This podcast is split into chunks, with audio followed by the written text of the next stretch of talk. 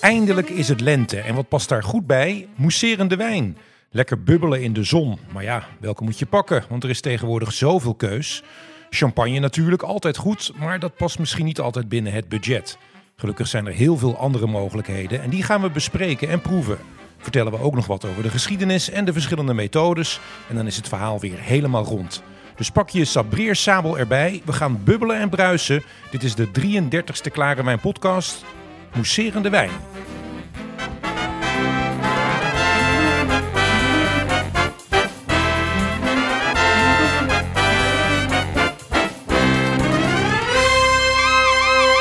Dit is de Klare Wijn Podcast met Ernst-Jan Overduin en Antoine Peters. Hartelijk welkom bij een eh, nieuwe aflevering van onze podcast, eh, de Klare Wijn Podcast, aflevering 33. Ernst, Ja, welkom. Ja, dankjewel. ben je er ook weer? Ja, ik ben er gelukkig ook weer. En we zijn eh, bij jou thuis weer. Gezellig, ja. een volle tafel. Ik heb nog nooit zoveel eh, flessen zien staan voor een podcast. Hoe komen we daar in hemelsnaam doorheen, zeg? Nee, nee. Het zijn er, eh, er staan er zeven en er liggen er nog drie in de koelkast. Juist. En het is allemaal eh, bruisend, bubbelend. Bubbelend, bruisend, ja, schuimend, ik weet het allemaal niet. Ik heb eens een keer een avond meegemaakt. Heb ik heel de avond aan de champagne gezeten. Dat liep niet goed af. maar we, we, we- we doen ons best. We, we, we proeven alleen. En we hebben Nou ja, hele we mooie hebben eh, proefglaasjes. proefglaasjes gekregen. Ja. Die zien er trouwens prachtig uit. Ja. Over het glaswerk eh, straks nog eh, veel meer. Zeker. Eh, de vorige, Alto Adice. Fantastisch. Ja, Echt lekker. Lekker mooie wijnen. Lekker eh, gegeten van de slager. ja hè, van Willem. Boon. Willem Boon. En samen met eh, Axel en Raymond. Hartstikke ja, leuk. Alex. Nee, Axel. Axel, jij zegt het nou weer verkeerd. Nee, het was Axel was hier. Ja. Eh, grapje, Axel. Nee, het, het was een hele mooie, eh, gezellige middag. Eh, Zeker. En ehm, ja, we hadden het al eerder gezegd van, eh, dat wij wel verrast waren door al het mooie wit uit eh, Noord-Italië. Ja. Ik, ik had er wel van gehoord en zo, en ook wel eens wat van geproefd. Maar dat er zo'n eh, veel was en zo'n verscheidenheid. Nee, dat had en- ik ook niet verwacht. In, zo- in een relatief heel klein gebied. Ja, nou, En jij, we- jij hebt die Tiefenbrunner. ja, ik, die heb hem ook- Marshall ik of, denk, eh, kan mij het schelen, ik enzovoort. schaf hem gelijk aan. Ja, Maar het was wel, ehm, eh, het was wel op topniveau. Hè? Ja. Het waren flessen van eh 40, 50, Ja, 600 ja. euro. ja. Ja, dan, dan kan ik ook wel eh, wat lekkers En die neerzetten. krappa, die jij niet mocht drinken, maar jij moest rijden. maar maar ik ik heb heb die krappen stiekem op. nou, ik ook hoor. Ik heb hem ook nog stiekem op, ergens in een hoekje in mijn eentje. Hey, eh, vandaag doen we de podcast eh, eigenlijk eh, zonder gasten, hadden we afgesproken. Maar ik, dan klopt het niet, want de tafel zit gewoon weer helemaal vol Helemaal met, vol- ramvol. met gasten. Ja, Ja, heb ik Er gereden. is er iets niet goed gegaan, of wel? Of- nou ja, nee, wij vinden het gewoon leuk om eh, mensen uit te nodigen. En het worden er steeds meer. Maar we hebben niet echt zeg maar, een, een vaste gast eh, die de podcast draagt. Nee. Dat zijn we gewoon zelf weer eens. Gelukkig Zo, een zoals we keertje. ook gewoon twee jaar geleden zijn begonnen. Ja, Hè, op dat is een ook wel eens- zolderkamertje. een zolderkamer. Dat is ook Zoiets, hè? heel fijn en ook wel eens overzichtelijk Ja. eh, om het weer samen te doen. Maar we hebben wel wat mensen eh, uitgenodigd. Zeker. Eh, althans, jij. ja, Eh, hartst- ja, we, Ja. we zijn ook bij jou te gast, dus ik kan moeilijk zeggen van dat heb ik liever niet. Nee, nee, nee, maar het is alleen maar leuk. Eh, zeg eens eventjes, eh, Ernst, eh, wie, wie, eh, wie, zi- wie zitten er allemaal aan tafel? nou, de- de, eh, tegenover mij, maar dat zien jullie natuurlijk niet, maar tegenover mij zit Jury Langendoen, eh, Langendoen en daarnaast Olge Rutte. Dat is van champagneboutique.nl, hè, moet, er, eh, moet erbij. En ik heb eens een keer een sabreercursus gegeven voor, eh, aan de Spuihaven in Dordrecht. Eh, voor 50 man, dat konden jullie niet. En toen heb ik dat samen met René Nijp gedaan, dus dat was hartstikke leuk. Dus welkom. Dus we gaan ook hele mooie champagne drinken, die hebben jullie meegenomen. Gelukkig ook champagne. Ook gelukkig champagne, want er- daar hebben we lang over nagedacht, maar die zat er toch in? Nou, ik niet hoor. Het was voor mij vrij ja, duidelijk. ja, voor jou was het duidelijk, ja. ja. Altijd champagne. Nou, naast mij zit... Moeten we wel eh, heel lang op wachten. Ja, Nee, maar er zit ook... zeven, zeven wijnen. Nou, dus tien. even doordouwen. Ja, even door. Hè? Nee, nou, maar- naast mij zit Kim. Dat is mijn eh, wijnmaatje. Hi, Kim. Daar, daar doe ik samen eh, de Esdenk-cursussen mee. Ja. Die geef ik mee. En dat doe ik in samenwerking eh, met Wijnhuis 167. En net als ik is het een echte geschiedenisfreak. Oh, Dus niet te veel vragen. nee, ik, heb Laat het ze geluid, niet- ik niet laat het geluid uitpraten. dicht staan. eh. Laat gelijk dichtstaan. Want dan heb je twee van dit soort types. En dan gaat het alleen maar nee, over dat, geschiedenis. dan moeten we, dus dan dat is moeten we niet de bedoeling. Nee, echt niet. Eh, ze gaat zelf een klein stukje ook vertellen straks. Eh, Ze heeft ook een mousserende wijn meegenomen. Ja. Dus eh, daar ga ik niks over zeggen. Dat gaat ze zelf eh vertellen. leuk. Grappig, hè? Ja, Nou, en dan hebben we nog eh, Mies. ja vriend Die van de is- show. Vriend van de show. Vriend van ook de show. sponsor. Kan Ja. ook, hè? Sponsorpakketje. Oh, wacht even, ik laat even... Een applausje. Applausje. En Maarten.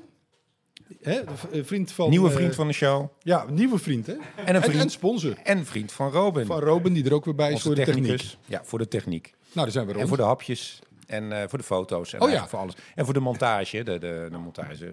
Ik vergeet eh het eigen belangrijkste, vrouw. mijn eigen vrouw. Want god, er wordt Ezra, vanavond ruzie. Krijgen we ook nog eh, kaasstengels vanavond? Ja.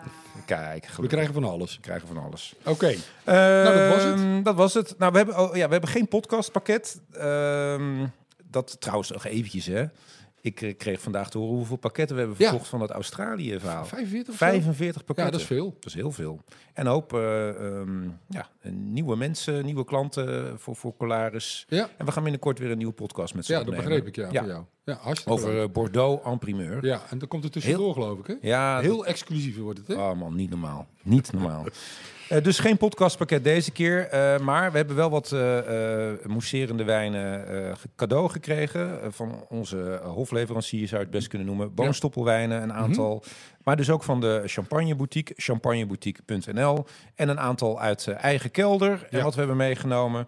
Dus dat eh, wordt helemaal leuk. Ehm Ernst, eh, wil jij de podcast eh, aftrappen? Ja, ga ik doen. Nou, Ja, ik heb dit ook gevraagd aan jou. Van, joh, wij, wij spreken regelmatig door, wat gaan we nou doen? Hè? Want we hebben er al toch al een aantal eh, opgenomen. Maar ik wilde heel graag wat over mousserende wijn eh, gaan vertellen. Hè? We hebben de versterkte wijn wil ik ook nog een keer doen. En We hebben ook zoete wijnen gehad. Dus, maar mousserende wijn vond ik dat het in het lijstje niet mocht ontbreken. Eh, leuker is natuurlijk eh, bubbeltjeswijn, om te zeggen. Ehm, we gaan heel veel drinken. nou. En eh, de bekendste die we gaan drinken is natuurlijk champagne. Maar daar gaan we het niet heel uitgebreid over hebben. We gaan wel blijven stilstaan bij de smaak en, en, en of, die, of de mooi is. Of die jongens mooie wijn hebben meegenomen. Ja, want champagne hebben we het al een keer eerder over. Ja, daar hebben we podcast 16. Ik heb het even opgezocht. Ja. Ja, ja daar hebben we alles al over verteld. Dus dat, eh, dat ga ik niet doen. Wat we gaan doen, we, gaan, we hebben een greep gedaan, mondiaal. ehm, en we gaan de hele wereld over. Want over heel de wereld wordt mousserende wijn gemaakt. Dus die, die gaan we proeven. Eh, en aan het eind, als we dan nog nuchter zijn, dan, eh, dan gaan we die champagne drinken. Dus dat, dat hoop ik dan maar. Nou, leuk. Nou, wat gaan we doen? We gaan eerst beginnen van eh, hoe wordt mousserende wijn nou eigenlijk gemaakt? Nou, en dat is even een korte herhaling van eh, wat we uitgebreider in podcast 16 hebben gedaan. Want dan heb je een basis en van daaruit eh, kunnen we verder. Ja, en wat we ook eh, wel leuk vinden is om een beetje in te zoomen op de etiketten rond Ja. het eh, drinken van Dat is eh, leuk, hè? mousserende wijn. Eh, want die zijn er natuurlijk. eh, hoe, hoe, hoe heurt het eigenlijk? Hè? Ja. Eh, daarbij komt ook het juiste glaswerk eh, aan bod. Nou, dat hebben we hier al eh, staan. Maar er zijn ook eh, heel veel glazen die eigenlijk niet meer heuren. Ehm, we gaan het ook, eh, eh, we gaan ook een hoop anekdotes eh, bespreken. Kortom, een hele bruisende eh, podcast. En nou heb ik hier al gelijk eh, de eerste staan die we gaan eh, openmaken. Het wordt wel een uitdaging om tien ehm, champagnes, eh, cava's, prosecco, sect, eh, weet ik veel wat, mousserende wijnen binnen de podcasttijd open te maken. Maar Ernst, jij doet het gewoon hè? ik- Zes ik keer kan- draaien. Hoppakee. Nou, daar gaat de eerste. Kijk alsjeblieft uit, Ernst. Kijk, dat doe je al heel keurig. We gaan als eerste proeven een Chapanskoye Krimskoye. Nou, dat klinkt eh, Hij is open. veelbelovend. Ehm, heel gek, heel bijzonder. Eh, Ernst, jij moet er wat over vertellen, want ik weet echt geef de helemaal fles even door. niks over deze eh, bubbel te vertellen. Eh, jij wou hier per se mee beginnen. Ja, eh, ik vond het heel leuk om dit te doen. Eh, je, hebt, je zei het inderdaad correct. Chapanskoje, krimskoje, oftewel krimsect. Nou, dat is een muserende wijn. Krimsect. Ja, krimsect. Ja. Oké. En dat is een mousserende wijn afkomstig van de Krim. En dat is dat schiereiland, hè, weet je wel, dat eh, tussen de Zwarte Zee en de Zee van Azov ligt. Nou, wat is hier nou zo bijzonder aan? Waarom wilde ik deze drinken? Deze heb ik gekregen van een Russisch-Oekraïense kennis. Ze heeft Ja. twee, eh, twee ook nationaliteiten.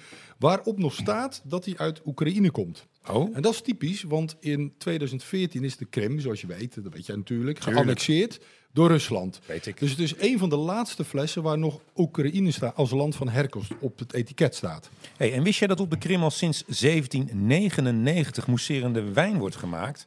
En die heet dus eh, Krimsect. Eh, dat was lange tijd niet mogelijk, ehm, omdat het eerst natuurlijk het Ottomaanse Rijk was. En het Ottomaanse Rijk dat was islamitisch, dus geen alcohol. Maar toen eh, Rusland eh, de Krim eh, overnam van het Ottomaanse Rijk, toen kon dat wel. Nou, eh, in 1922 werd het onderdeel van de Sovjet-Unie. In 1954 deed eh Khrushchev het eh, van de hand. Hè? Ja. Eh, die gaf eh, de Krim aan eh, Oekraïne. Een gulle bui. Eh, nou, en we zien waar het toe heeft geleid. Ja, Eh, precies. oorlog. Eh, maar daar gaan we het niet over hebben, want daar heb ik het elke dag al over. Daar heb ik geen zin in. Ehm, maar eh, we gaan dus nu een, een wijn drinken uit de Krim. Nou, dat vind ik eigenlijk wel heel erg eh, gek. Bijzonder. Ik heb Ja. nog wat dingen proberen op te zoeken. Eh, nou, dat is vrij lastig, want als je het opzoekt, dan krijg je allemaal die, die Russische tekens en die eh Cyrillische teksten. Ja. Cyrillische teksten. Toch? Ja, ik weet het niet. Ja, Zo nee. heet de Russische Zo taal, heet dat, Cyrillisch. Ja, eh, maar die kan ik niet lezen. Maar wat ik wel heb kunnen vinden, eh, is dat er ehm, heel veel inheemse druiven eh, vandaan komen. Maar ook gewoon Chardonnay, Pinot Gris, Riesling, dat soort dingen. Eh, de bekendste wijnhuizen zijn de Massandra en Novi Schwit. En vooral aan de zuidkust van de Krim, eh, daar zie je veel eh, wijngaarden. Ik lees ook overal dat de kwaliteit niet al te best is. Nee, dat denk ik ook niet. Maar ik vond het verhaal En wat ik prachtig. nu ook wel lees, is dat het ook heel, eh, helemaal is stilgevallen door alle ellende daar. Ja. Zowel in Oekraïne als, eh, als op de Krim. En de Krim is natuurlijk van Oekraïne vanuit westers perspectief. Maar Mhm. de Russen denken daar eh, anders over. Zeker. Eh, maar goed, al, en al, al met al, oorlogen helpen nooit om eh, de wijnproductie op peil te houden. Nee. Eh, die, die grote wijnhuizen op de Krim zijn ook allemaal weer eh, eh, staatseigendom geworden. Hoop gedoe. Eh Boeimo. Ja, boeimo. Boeimo. Proost betekent dat Proost op betekent dat op Oekraïens. zijn Oekraïens.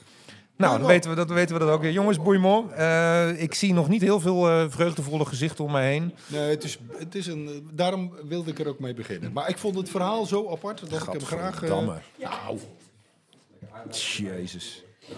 Het is gewoon... gelijk een arbeidje erbij. Oké. Maar goed, we hebben hem geproefd. Het is een apart verhaal. Ja. Leuk. Wat, is dat een goede kennis van je? Eh,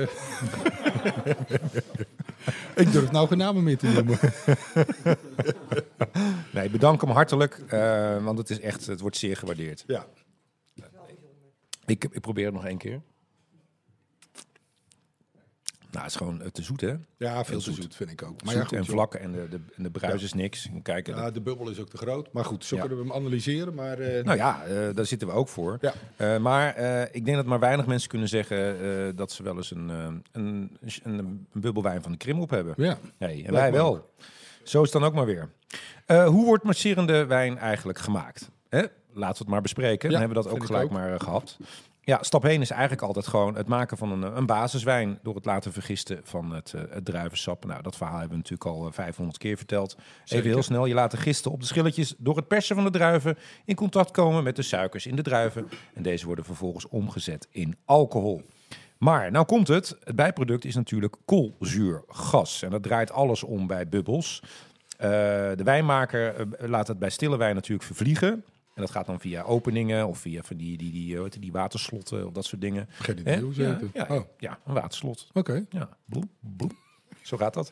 Eh, en, en zo maak je dan de stille wijn, maar wij willen bubbels erin. En dat is dan vaak, niet altijd, maar bij heel veel mousserende wijn de volgende stap. Ja, precies. Nou ja, d- je zei het al, je hebt een stille wijn en dat vorm- vormt de basis voor een mousserende wijn. Dat zei ik net. Hieraan, ja daarom, ik herhaal het even. Hieraan wordt vervolgens een mengsel van suiker en gist toegevoegd. Nou, dan wordt eh, het allemaal op de fles gedaan, afgesloten met een eh, kroonkurk. Of het wordt opgeslagen in een eh, afgesloten roestvrijstalen tank.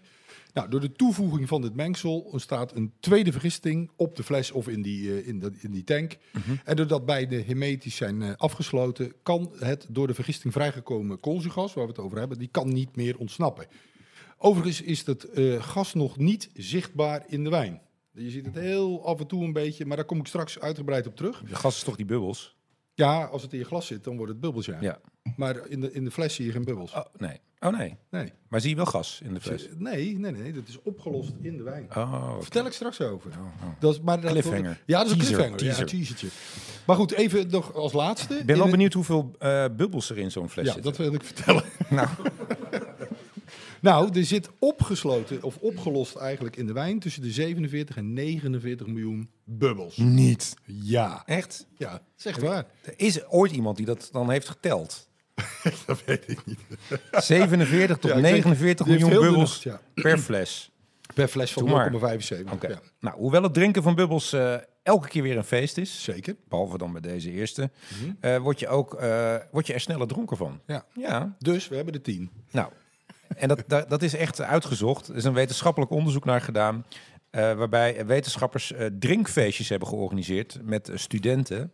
Nou ja, die studenten die... Ja, eh, die geven zich gelijk op wou net natuurlijk. zeggen, Gratis die, drinken. die vonden dat geen probleem. Nee. Kregen er waarschijnlijk ook nog een, eh, een vergoeding voor ook.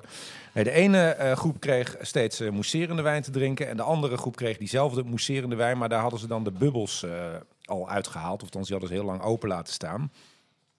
Nou, eh, wat bleek, de groep eh, die dus die eh, bubbels eh, eh, kreeg, die eh, was eh, sneller dronken dan eh, de g- groep zonder bubbels. Ze hebben dat ook nog een keer omgedraaid. En het is inderdaad dus zo dat eh, eh, de groep met de bubbels eh, sneller aangeschoten of dronken raakt dan de andere groep. Ja, waarom dat is? eh, Ja, dat is nog steeds niet helemaal duidelijk. Er zijn twee the- theorieën over die ik gevonden heb. De ene stelt dat je maag eh, in feite door de bubbels wordt opgeblazen. dat, dat, dat heb ik wel eens meegemaakt. Ja, zo'n opgeblazen gevoel krijg je. En eh, waardoor het zich, die maag gaat zich dan ledigen. Ja. En de alcohol wordt dan sneller in de dunne darm. En dus vervolgens in je bloedbaan eh, komt dat terecht. Mhm. De ander stelt dat de, de bubbels de druk in je maag verhogen. Met hetzelfde resultaat eh, tot gevolg. Ja. Nou, dus er wordt ook steeds geadviseerd om te genieten van bubbeltjes wijn. eh, maar deze rustig en op je gemak te drinken. Nou, maar voor ons maakt het natuurlijk geen bal uit wat je doet. Hè? Want eh, als jij gewoon snel wil drinken, moet je dat zelf Als je weten. snel wil drinken, moet je gewoon lekker snel drinken. Dat vind ik ook. als Dan je mag je langzaam- zelf beslissen. En dat, eh, ja, Ja, dus dat. oké. Nou, eh, zullen we dan gaan kijken naar de etiketten? Ja. Etiketten voor het drinken van mousserende wijn. Nou, uiteraard begint dat natuurlijk met het kiezen van een eh, mousserende wijn. Ja. Staat hier, want ja, het lijkt me nogal logisch. Maar in ieder geval, kies dan een lekkere fles. Eh, het aanbod is werkelijk gigantisch. Nou, we hebben er hier eh, al, al tien staan. Maar volgens mij eh, heeft inmiddels elk zichzelf respecterend wijnland wel een eh, mousserende wijn. Zeker. Eh, dus je kan er wel honderden vinden. Eh, nou, die keuze is natuurlijk al, eh, al enorm veel, levert vaak stress op. Maar goed, laat je gewoon goed informeren door, eh, door je wijnhandelaar of eh, ga lekker zoeken op, eh, op eh, internet. Nou, eh, als je dan eenmaal je keuze hebt gemaakt, dan, eh, dan begint het verhaal.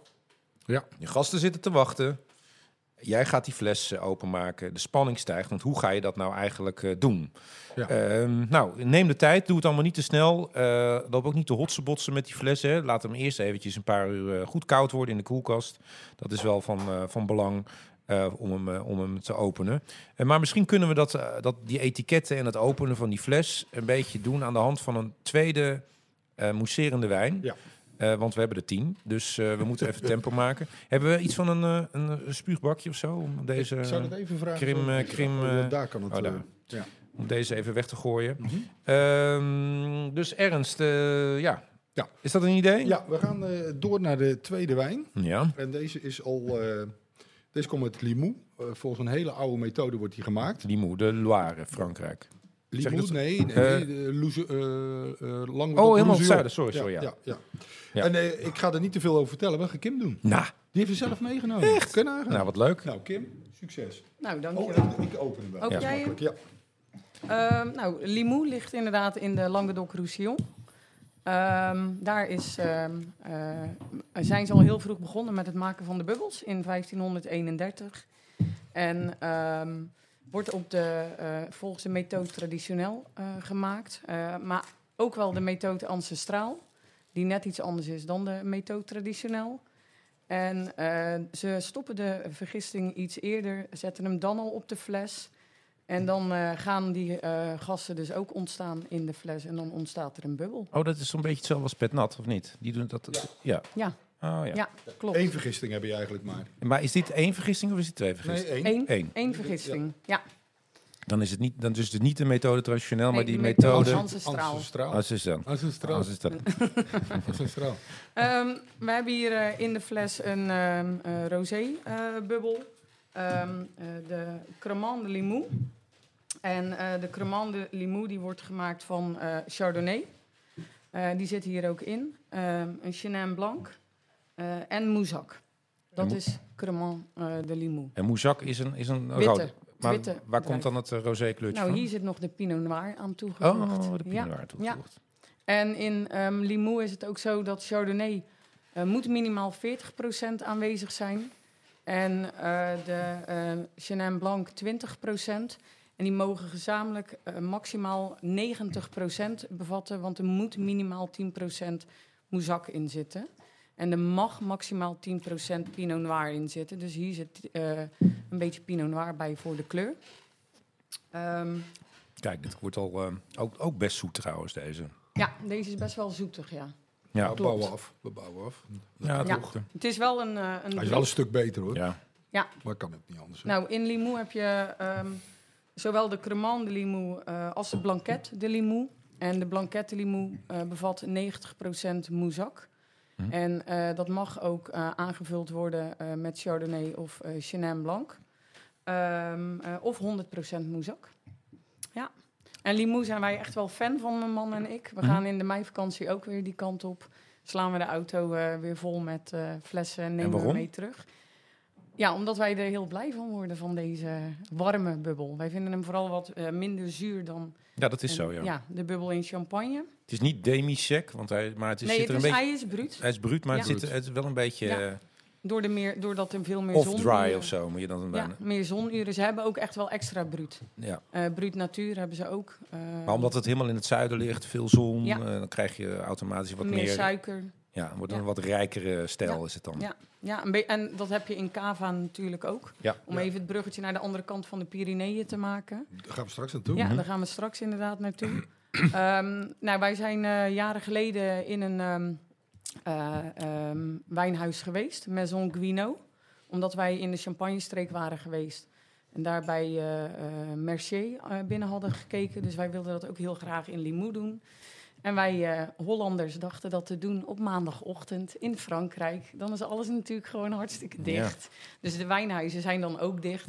Dus wij stonden daar, eh, eh, onze kinderen ook mee, want ja, hè, die konden we nog niet thuis laten, nog te jong. Dus wij stonden daar voor de deur en toen dacht ik, oh ja, het is maandag. Kan dat wel? En toen kwam er een eh, meneer aan en ehm, eh, nou, ze zijn eh, eh, altijd heel voorzichtig met het Engels spreken, want dat kunnen we niet zo goed. Nou, die meneer die sprak prima Engels. En die zei, ja, ik wil jullie wel meenemen. En die heeft, heeft ons helemaal meegenomen in de hele kelders, alles laten zien eh, bij Maison Guino. En eh, nou, wij vonden het natuurlijk hartstikke leuk. Alles met de hand nog. eh, weinig machinaal. Heel klein eh, wijnhuis is het. En toen gingen wij weer terug om wat ehm, wijnen te proeven. En toen keek ik op het etiket van de fles. En daar stond meneer Guino op. En toen keek ik naar die beste meneer. En toen dacht ik, verrek, Dat is dat hem. is meneer Guino. Dat is hem. Ja, dus... eh, en hij vertelde ook het verhaal over eh, hoe zij zeggen in Limoux... eh, dat de eh, bubbel is ontstaan in de Champagne-streek. Eh, dat, eh, dat dankzij hun is gekomen. Eh, want Dom Perignon was eh, op ehm, eh, bedevaart eh, geweest eh, naar Santiago de Compostela... En op de terugweg kwam hij langs Limoux en hij had er zeker wel van gehoord dat daar mousserende wijnen werden gemaakt. En in die tijd werd al, er al wijn wa- eh, gemaakt in het noorden van Frankrijk. Maar de stille wijnen waren gewoon niet zo top. Nee. Vrij hoog in de zuren. Zuur, ja, eh, weinig zonuren. En eh, hij vond dat daar misschien wel iets anders mee gedaan moest worden. Dus hij heeft zich helemaal laten voorlichten in Limoux. En eh, het principe van eh mousserende wijn meegenomen naar het noorden van Frankrijk. En dat daar uitgerold. En nou ja, de rest is history. Ja. Ehm, en dat is wat ze in Limoux blijven vertellen. Ja, Want dat is natuurlijk, natuurlijk, ja. als je het in de Champagne-streek vraagt, is het uiteraard Ja, niet zo. Ah, Nee, Dan hebben ze het Periol, zelf bedacht. zelf bedacht. Maar ehm, daar zeggen ze het eigenlijk overal wel. Leuk, Kim. Want eh, dat wist ik helemaal niet. Ja. Hey. Maar leuk verhaal hè? Ja, Ja. hartstikke leuk. Oh. Had jij dat ingestoken of niet? Nee, nee, nee, nee. Nou, nou, dat is Ik echt kan heel... Kim- Kim heel goed zelf. Nee, Kim, echt een Ja. super verhaal. Eh, Dat Ja. wist ik niet. Ja. Weer wat geleerd, zo leer je elke keer weer wat. Ja. Hey, maar jij maakte die fles eh, open en ik zag Ja. jou allemaal eh, dat op een hele bijzondere manier doen. Nou ja, Da- en dat precies. kunnen de mensen natuurlijk niet zien, maar wij moeten nog wat vertellen over de, de etiketten. Hoe maak je die fles nou open? Je houdt Ja. de, hal- de, de hals vast, geloof Ja. ik, hè? De hals die hou je vast met eh, één eh, hand. En de andere hand ondersteun je de onderkant eh, zeg maar, Ja. van de fles. Eh, uiteraard, als je eh, bij- met eh, gasten bent, moet er natuurlijk het etiket naar de voorkant, zodat je die heel goed kunt eh, zien en bewonderen. Ehm, dan moet die a- aluminium folium, eh, folie van de, van, de, ja, van de kurk of van de v- flessenhals af. Er zit heel vaak een lipje aan. Ja, heb ik altijd ruzie mee. Ja, ik ook. Dit, het hoort, het, ik- het lukt mij ook nooit. Maar het hoort in één keer kan je dan heel die capsule eraf eh, trekken. Maar dat is mij ook nog steeds niet gelukt. Maar goed, zo heurt het wel. Ja, zo hoort het wel. En dan krijg je het korfje. Ja, dan heb je de muzelet of dat korfje. Die moet je, dat is altijd zes. Precies zes.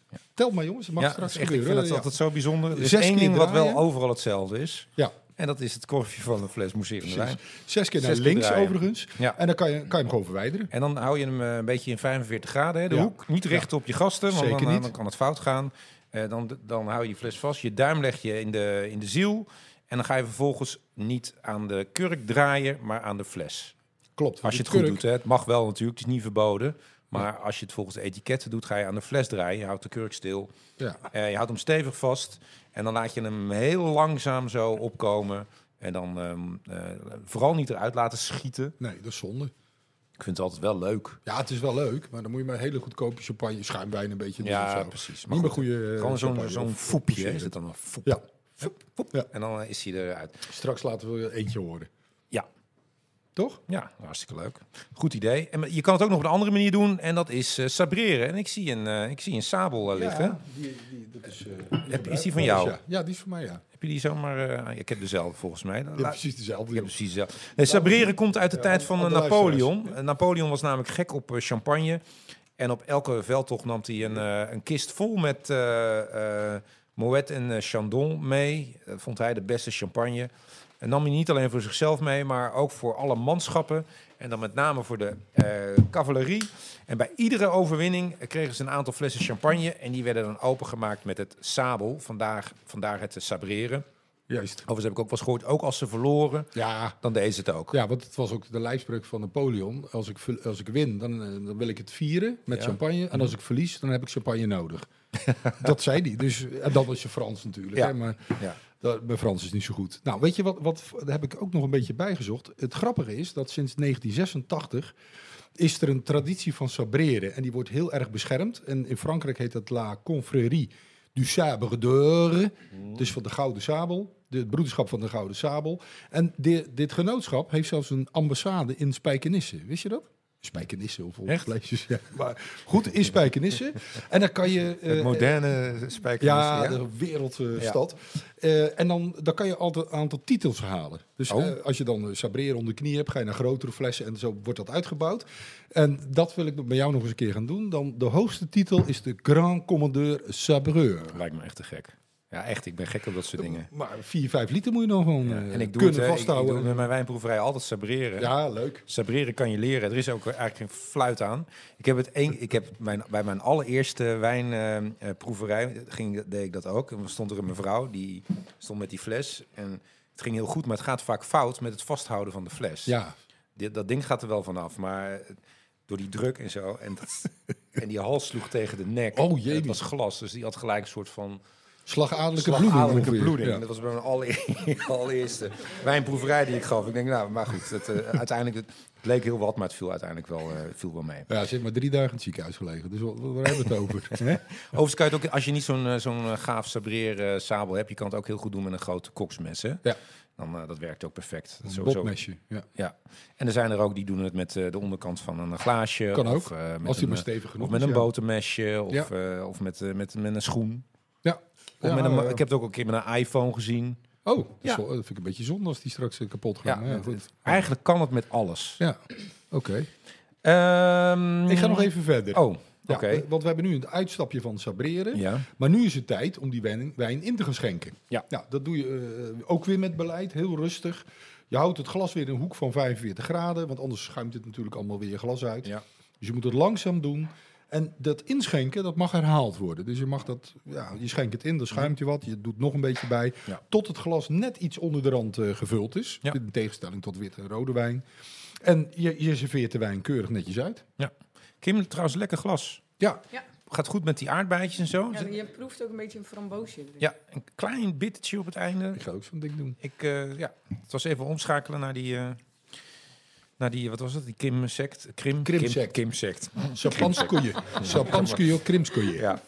Ehm, dan gaan we het ook nog even hebben over de, de, de glazen die, die je moet eh, gebruiken. Althans, je moet helemaal niks, maar wat wordt eh, geadviseerd? Nou, traditioneel wordt natuurlijk altijd de fluit gebruikt. ik heb hem op tafel staan. Eh, kijk eens, oh, je hebt een mooie fluit eh, Ja. staan. Ik had laatst op Heel Instagram smal. een post eh, gemaakt met een, eh, een hele... eh het was echt bijna een antieke fluit. Helemaal eh, facet eh, geslepen. eh, een, eh, wat was het? Ik weet niet meer welk merk het was. Eh, nou, maakt ook niet uit. Maar in ieder geval nog echt kristal, nog eh, loodkristal. Mm. Heel mooi. Maar ik kreeg toch heel veel reacties van mensen die dat zeggen. Je kan geen champagne meer in een fluit drinken. Nou, wat zit erachter? Ehm, het is te nauw, het is te, te smal, waardoor alle mooie aroma's eh, niet tot zijn recht komen. En die bubbels die knallen wel gewoon ehm, eh, die fluit uit. En eh, ja, Ik, ik ben, a- a- als ik in Champagne ben, nou kom er wekelijks, nee, ik ben er één keer geweest. En ze drinken daar het allemaal gewoon uit een eh, wijnglas. Ja, Ze zien het klopt. echt, al- ze zien het echt Ja. als wijn. Ja. Ehm, dus eh, de fluit, ja, het kan natuurlijk. Niemand zegt dat het niet mag. Maar het is niet echt wat, ehm, wat wordt geadviseerd. Dat vond trouwens Marie-Antoinette ook. eh, de, de vrouw van, eh, eh, hoe heet die, eh, Lodewijk. koning Lodewijk XVI. Ja. Zij kreeg er het zuur van. Nou, dat krijg ik ook wel eens van champagne. En zij dronk champagne dan eh, eh, ook uitsluitend in een koep. Ja. Kijk, en die hebben we ook meegenomen voor alle luisteraars die het niet kunnen zien. Dat is, dit is de koep. de, de legende eh, gaat dat... wil je het even voordoen? Ja, De legende gaat dat dit glas speciaal, eh, dat ze dat Mooi speciaal liet maatje ontwikkelen ehm, met haar linkerborst als mal. ja, precies. Ja. Maar dat En is, zoals het altijd gaat met legendes, er klopt er vaak niks van. klopt helemaal niks van. Nee, het is wel een eh, pikant verhaal, maar het is niet waar. Oh. Eh, want eh, ten eerste werd champagne al gedronken uit een koep in de 17e eeuw. Mhm. En Marie Antoinette was geboren in 1755, dus de 18e eeuw. Oh. Dus een eeuw later. Sterker nog, de oude Grieken die dronken wijn uit een drinkvat dat ook de vorm had van een koep. En dat noemden ze mastos. En mastos betekent borst. Dus vandaar dat dat misschien een overlevering en een stoer, eh, sensationeel verhaal. Ja. Erotisch verhaal misschien wel. Wel een leuk Ja. verhaal. Ja, wel, ja. Ja. Ehm, en overigens is de eh champagnekoep, waar zij veel uit dronk, die is veel breder dan de fluit. Ja. Dus daar kunnen de aromen zich beter eh, ontwikkelen. Dat dan weer wel. Het nadeel is, als je hem inschenkt, zijn die aroma's en die bubbel zo, hup, zo je glas weer uit. En dat is natuurlijk zonde. Ja. Dat moet je voorkomen. Ik vind het wel super feestelijk. Ja, ik vind het ook grappig. Dus ik met de gouden En randje, zeker wat met jullie grote, niet kunnen en zien. grote feest, als ze dan die grote torens maken met koeps. En Ja. dan gaan ze boven inschenken. Ja. En dan gaat het fout natuurlijk. En dan dondert dat helemaal in elkaar. Koeps zijn wel echt wel leuk voor, eh, voor, voor een keer, toch? Ja, voor een feest, zeker. feesten en partijen. Maar het is niet ideaal voor de, de, de verfijnde proever. En Nee, als je- zeker niet. Wat is dat dan wel? Nou, daar gaan we. Dat is dus het tulpglas. Ehm, en dat tulpglas hebben wij nu allemaal in ons eh, hand. Eh, wel een proeftulpglaasje, dus een, een kleintje, maar je hebt ze in eh, verschillende maten. Wij hebben, wij hebben zelf eh, ergens volgens mij de middenmaat. En dan heb je ook nog een Ja. hele grote. Ja. Die grote is ook te gek trouwens. Van Ehm, Leeman eh, zijn ja, deze. van Leeman, dat is eigenlijk wel het merk. eh, daar- daar- daar- die Fransen hebben dat ook allemaal. Ehm, ja, hoe ziet dat eruit? Nou ja, in, in de vorm van een tulp. Een eh, bredere kelk zorgt ervoor dat die aroma's zich eh, beter kunnen ontwikkelen. Maar daarna wordt het glas weer een beetje smal. Het loopt smal toe. En zo blijven de aroma's mooi in het eh, glas eh, hangen. En een tulpglas loopt aan de basis toe in een punt. En dat zorgt ervoor dat de bubbelstroom, en dat zie je dus ook altijd, vaak vanuit één punt recht omhoog kan komen. Eh, en nou gaan we naar het hoogtepunt van de show. Ik weet het nu al. Ik ga even achterover eh, zitten. Nou komt Eh, ie, hoor. hoe komt dat, Ernst? Nou. Hoe komt nou dat, dat, dat met die bubbeltjes dat dat zo omhoog gaat? Nou, weet je, ik, ik ga beginnen bij het begin, hè. Ja. Maar ik was een keer op een eh, partijtje en toen was er een kind die vroeg... papa, waarom gaan die bubbels zo, allemaal zo recht omhoog? En waarom uit één punt? Toen dacht ik, ja, ik weet eigenlijk ook niet. Dus heb ik opgezocht. Mhm. Ga maar zitten. Hou je vast, hè? Want Ja. dat worden verhalen. Ik Ja. ga het eh, rustig vertellen. Ja. We gaan bij het begin beginnen. Eh, de koolstofdioxide is in de mousserende wijn opgelost... vanwege de druk die op de fles, of in de fles eigenlijk zit. Stop, ik snap het nu al niet meer. Nog een keer. Oké, opnieuw. De koolstofdioxide... Dat is de bubbel. Die bubbel, zeg Ja. maar even, dat is in de mousserende wijn opgelost. Want Ja. je ziet in die fles, wat ik al zei, zie je die bubbels niet. En dat komt door de druk eh, op de fles. Ja. Nou, een vloeistof die houdt namelijk gas vast als het onder druk staat. Ja. Door het openen van, de, van die fles, dan valt die druk weg. En omdat er meer koolstofdioxide in die wijn zit dan deze eigenlijk aan kan, spuit het eruit en dan krijg je die vorm van die bubbels. Oh, ja. Nou, je zou dan verwachten, want je ziet dus dat het eruit spuit, dat het proces heel snel gaat. Maar dat gaat niet snel, want als je dat in je glas hebt, dan zie je dat heel langzaam dat Blijf die maar bebbeltjes, doorgaan. juist, dat die bebbeltjes, bubbeltjes, maar heel langzaam en vaak vanuit één punt omhoog komen. Nou, en dat komt. Waarom gaat dat langzaam? Dat komt omdat die bubbeltjes niet makkelijk te maken zijn. Koolstofdioxide moleculen die bewegen willekeurig door dat glas heen. Hè, dat is gewoon, ja goed, dat is natuurkunde, maar die bewegen door het glas. En die komen op een gegeven moment in contact met een luchtbelletje. Daar botsen ze tegen. En die luchtbelletjes die bevinden zich vaak in de punt van het glas. En dat komt omdat als je het glas poleert of schoonmaakt, dan blijven de vezeltjes van je schoonmaakdoek achter in de punt van het glas. Dat vormt een luchtbelletje. Dus als die moleculen dan in contact komen met die luchtbellen, versmelten ze en wordt het een gasbelletje. En die gasbelletjes die zijn te zwaar voor het onheffen heetje in het glas.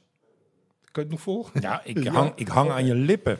En omdat het te zwaar wordt, gaat hij loslaten. Die, die, die bel die breekt open. Mhm. En de helft die gaat naar boven, breekt open en die geeft die aroma's vrij. Mhm. En de andere helft blijft achter. En die gaat zich weer binden met de volgende molecuul, koolstofdioxide molecuul. Weer een luchtbelletje en dat gaat, breekt weer open, gaat weer omhoog. En dus dat 43 miljoen keer. zoiets.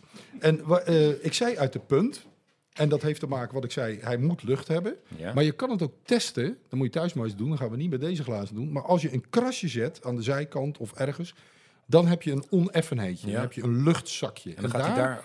kan die ook. Dus als je heel veel krasjes in het glas zit, komt de bubbeltjes uit verschillende stromen omhoog.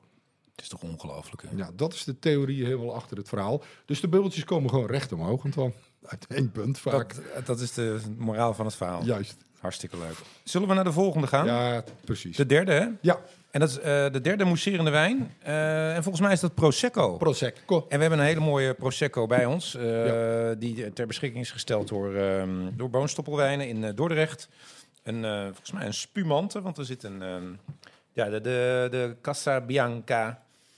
En verder kan ik het niet lezen, lees je uit even voor. Casabianca, Valdo Biadene, Prosecco. Prosecco Superiore. Superiore. Ja. Ja, nou, Emile Samato, dus één jaar.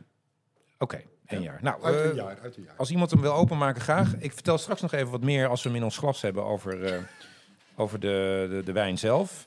Eh, maar eerst eventjes eh, Prosecco. Nou, Prosecco komt natuurlijk eh, uit eh, Italië, dat weet eh, iedereen. Ja. Hè, daar hoef je niet de podcast voor te luisteren.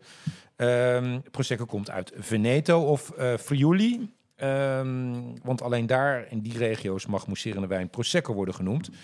En in de rest van Italië wordt natuurlijk ook wel mousserende wijn gemaakt. Maar daar heet het gewoon eh, spumante. Nou, Prosecco wordt gemaakt van de Prosecco-druif. Dat is niet zo ingewikkeld. Maar die is, om het toch weer even een beetje ingewikkeld te maken... in 2009 omgedoopt tot Glera. Klera, ja. Glera. En dat, eh, dat heeft alles te maken met eh, wat jij nu gaat vertellen, Ernst. Nee, die had ga jij straks vertellen. Oh, dat ga ik straks vertellen. Ik ga eerst wat over de druif vertellen. Oké. Ja, eh, we gaan eerst naar de roots van de druif. Ehm, en daar is nog geen. eh, de- ze zeggen dat die al in de Romeinse tijd werd verbouwd. En dat die Pucchino heette. Nou, daar is totaal geen consensus over, dus daar slaan we maar over. Wat we wel zeker weten is dat de Prosecco-druif al minimaal twee eeuwen staat aangeplant. In de heuvels, nou, we zeiden het al. In Corneliano Fadobiadene. En deze streek die ligt in het noordoosten van, eh, van Veneto, op de uitlopers van de Alpen. En hier wordt al sinds, eh, nee niet sinds, al eerder, maar eh, de, van deze druif wordt uitstekende mousserende wijn gemaakt. En vanaf 2009, zo moet ik het zeggen, heeft hij de hoogste status gekregen die in Italië herkomstkwalificatie DOCG. Ja. En officieel heet, dan, de- heet hij dan Prosecco Corneliano Valdobbiadene Superiore DOCG. Tuurlijk. Hè? Nou ja, het begrip superiore, wat houdt dat in? Dat de wijn een iets hoger alcoholpercentage heeft dan normaal. Dat is deze dus ook. Ja? Ja. En als er ook nog reserva op staat, dat betekent in Italië dat die iets langer gerijpt is. Dat, hoeft, dat is niet specifiek omschreven, dat mag een maand zijn, mag twee maanden zijn. Maar dat zou, kom je ook nog op het etiket tegen. Nou, ehm proost zou ik zeggen, want Ja. ik ben wel benieuwd naar deze. Fijnere bubbel trouwens dan de eer- eerste, dan de sect. En ook deze is weer een beetje off-dry. Kijk, je kan Dat het staat zien. hier hè? ook. Vanaf Ehm, één punt komt het omhoog. Ja, deze, deze Prosecco, dus hè, die Casa Bianca, die kost eh, trouwens 15,20 euro voor iedereen die het wil weten. Wordt gemaakt van hele oude druivenstokken, 30 jaar oud. Ehm, ehm, even kijken, hoor. De, nou, hoge kwaliteit natuurlijk, altijd. Eh, zachte, milde smaak en iets, eh, eh, ja, niet echt bruut, tussen bruut en secco in. Of dry inderdaad. Eh, past perfect bij amuses, eh, wit vlees en eh, goed als eh, apparatief. Ehm nou, ik vind hem wel oké, toch? Ja, zeker. En we gaan langzaam, eh, we blijven wel een beetje nog in die eh, off-dry hoek eh, hangen tot nu toe. Maar dat, eh, dat komt straks wel eh, goed. Denk ik. Eh, trouwens, er worden twee typen Prosecco eh, gemaakt. Frisante en spumante. Dat is ook handig om te weten als je de cursussen volgt. Het verschil zit hem in de koolzuurdruk. Bij een frisante is dat eh, 1 tot 2,5 bar. Dan wordt die over het algemeen afgesloten met een gewone kurk. Er gaat er zo'n touwtje omheen hè, voor de sier. Ja, dat is wel grappig, vind ik altijd. Spago. Spago heet het touwtje. Spago wordt hij genoemd. En bij Spumanten ligt de druk veel hoger. Eh, die ligt tussen de 3 en de 6 bar. En die gaat dan met zo'n speciale kurk en een muzelet, zoals we eigenlijk al Mhm. die eh mousserende wijnen hebben die hier staan. En over het algemeen is dat ook gelijk het prijsverschil. Eh, want die eh, friesanten die eh, zit zeg maar altijd rond een tientje ongeveer. En de spumanten zit tussen de 15 en 20 euro. Ja. Gemiddeld, hè, want er zijn Ja. natuurlijk altijd weer uitzonderingen. Toch? Ja, ja, zeker. En hoe komt dat dat die prijzen eigenlijk zo laag zijn? Nou, dat heeft te maken met het, eh, de manier waarop zij de tweede vergisting eh, doen. En dat is volgens de tankmethode. oh ja, dat is anders hè? Dat is anders. Ja. Nou, die heet in Frankrijk noemen dat, eh, de Fransen noemen dat de methode cuve close of methode chamat. En deze laatste benaming is afgeleid van de uitvinder eh, ervan. Althans, dat beweren de, de Fransen. Net als ze beweren dat ze champagne hebben uitgevonden eh, in, eh, in, eh, in de Champagne-streek. Ehm, want het was ene Eugène Chamat. En die zou dat gedaan hebben in 1910. Maar Antoine, we weten natuurlijk beter. Ja. Het was de Italiaan Federico Martinotti. En die was hem voor, want die maakte al mousserende wijn volgens de tankmethode in 1895. Maar wat is nou die tankmethode? Daar ga ik zo Oh, uitleggen. oké. Dus, eh, want ik wil nog even toevoegen dat in Italië heet die eh, tankmethode dan ook methode Martinotti. En de Fransen die slaagden erin om ehm, eh, de internationale naam methode Chamat in zwang te brengen. Dus die Italianen moesten pas op de plaats maken. Mhm. Goed, deze methode, ene methode, met drie namen, Ja, vindt de tweede vergisting, dat vond ik wel leuk, ja. 1, 3 en 2, vindt eh, plaats op een afgesloten roestvrijstalen tank. Nou, Oh. En dat is veel minder arbeidsintensief dan een tweede vergisting op, eh, op de fles. En dat gaan we uitleggen. Dus de stille wijn die gaat gewoon eh en masse in een grote tank. Ja. En, En- dan sluiten ze hem hermetisch af, Ja. zuurstofvrij. Suiker erbij. Ja, suiker erbij en eh, wat most. Ja. En dan gaat de tweede vergisting komt op gang. Maar de, de, ze is hermetisch afgesloten, die roestvrijstalen tank. Dus de koolzuur kan niet weg, dus blijft in de wijn achter. En dat gaat veel sneller. Dat gaat, eh, dat gaat veel sneller. Ja, dat klopt. Want dat heeft te maken dat eh, in zo'n roestvrijstalen tank, ook al sluit je hem af, zit er toch veel meer zuurstof in dan in een fles. Ja. Dus hij rijpt veel sneller. Eh, het is me- minimaal negen maanden bij die tankmethode, zeg maar. En bij, ehm, bij of sorry, één tot zes weken, zo moet ik het Mhm. Ja, zeggen. kort. En ja, Bij, en bij, die methode andere traditioneel veel langer. ja, me- minimaal negen maanden.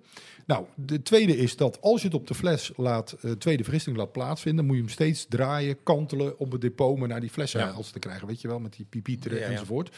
Dat hoeft bij een tankmethode niet, want je doet gewoon op het laatst, eh, voordat je geboddelen, filter, eh, filter je de wijn. Dus dan is dat geregeld. En ten derde, eh, de droesem moet ook nog eens een keer uit zo'n fles komen. Hè, dus die moet verwijderd worden door die fles door zo'n eh, pekelbad te halen van min 27 graden, geloof ik. Ja. Kroonken verwijderd, prop schiet eruit. Dan Ja. moet je hem weer aanvullen Allemaal met wijn, gedoe. lalala. Ja. Nou, enzovoort. Dat Lalala. hoeft allemaal niet... Ja, dat is een heel verhaal. Ja, maar joh, is allemaal lala. ja, precies. Dus die, dat hoeft niet volgens de tankmethode. Want Nee. wat, wat je doet op het laatst, je gaat gewoon filteren. Dus dit is ook volgens de tankmethode. ja, dit is de tankmethode. Ja, Heb je ook Prosecco die wel gewoon... eh, Zeker. je hebt, eh, ja, ik ja. weet wat je wil zeggen. Ja, volgens de, de traditionele heb je absoluut. Oké. En Ehm, ja. in, in eh, Lombardije, en daar gaan wij naartoe op 14 juni, van...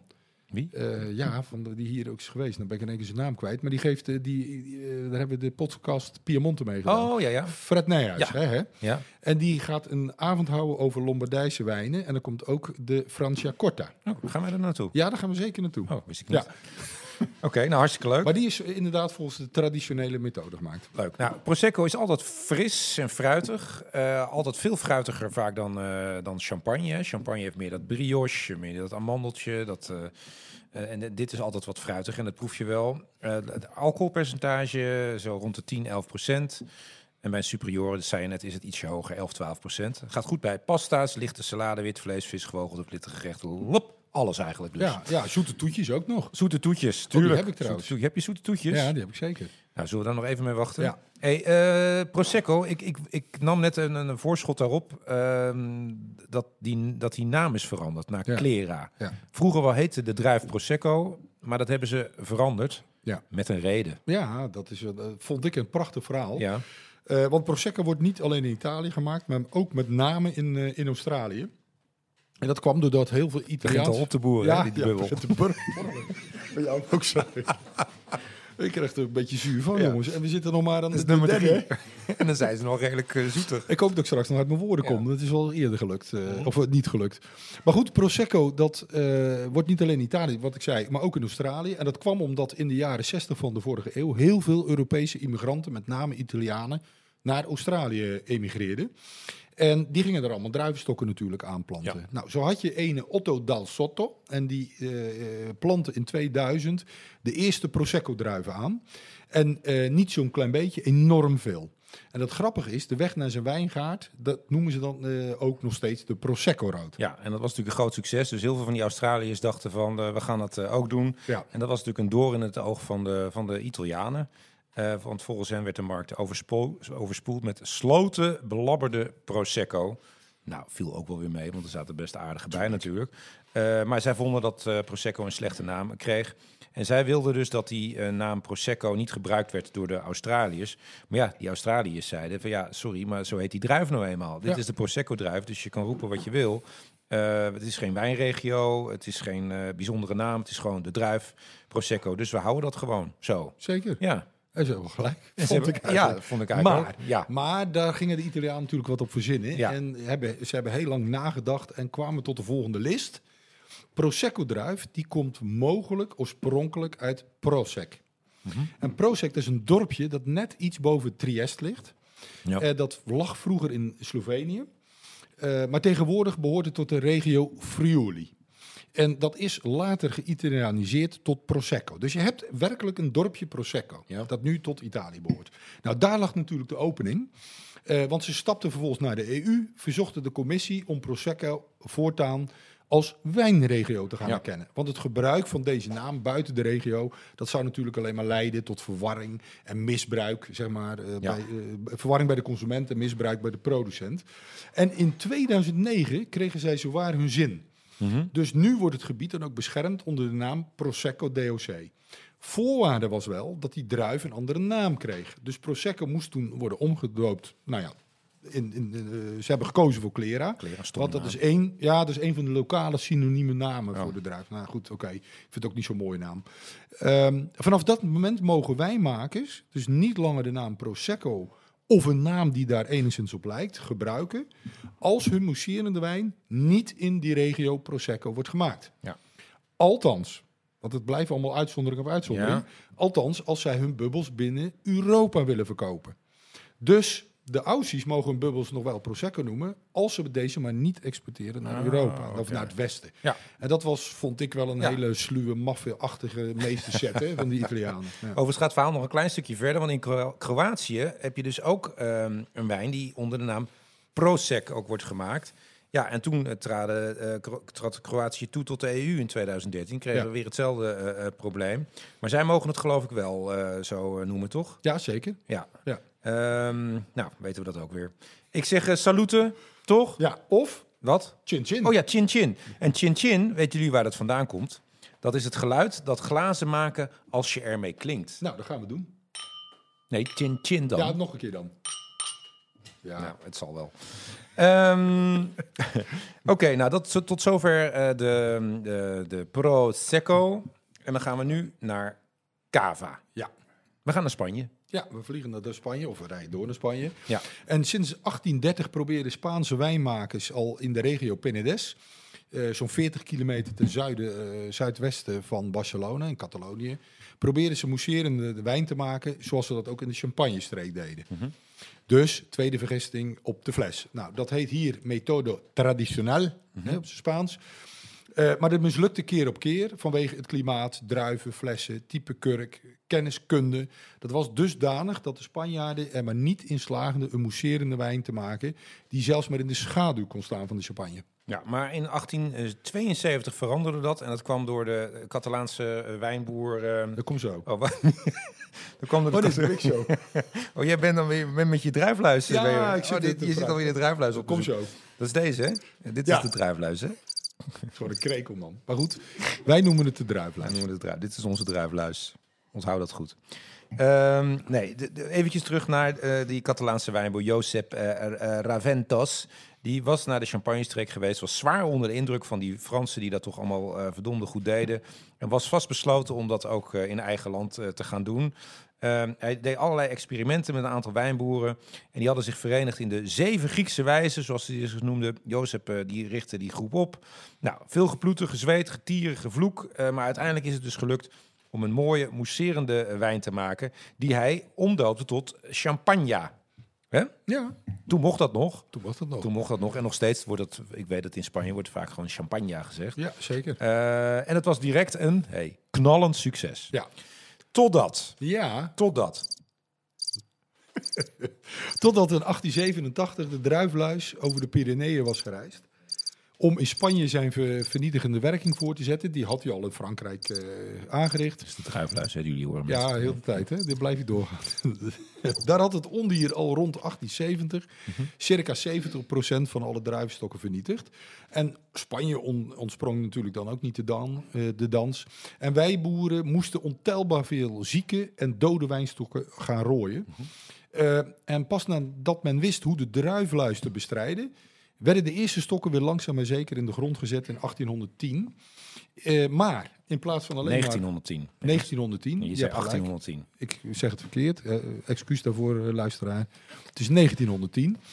Eh, en in plaats van alleen maar blauwe druiven te gaan verbouwen, wat ze waren gewend, gingen ze nu ook witte druiven aanplanten. Waaronder Macabeo, Xarolo en Pareade. Ja, en die noemen we niet voor niets, want dat zijn de inheemse witte druiven die eigenlijk altijd wel worden gemaakt voor cava.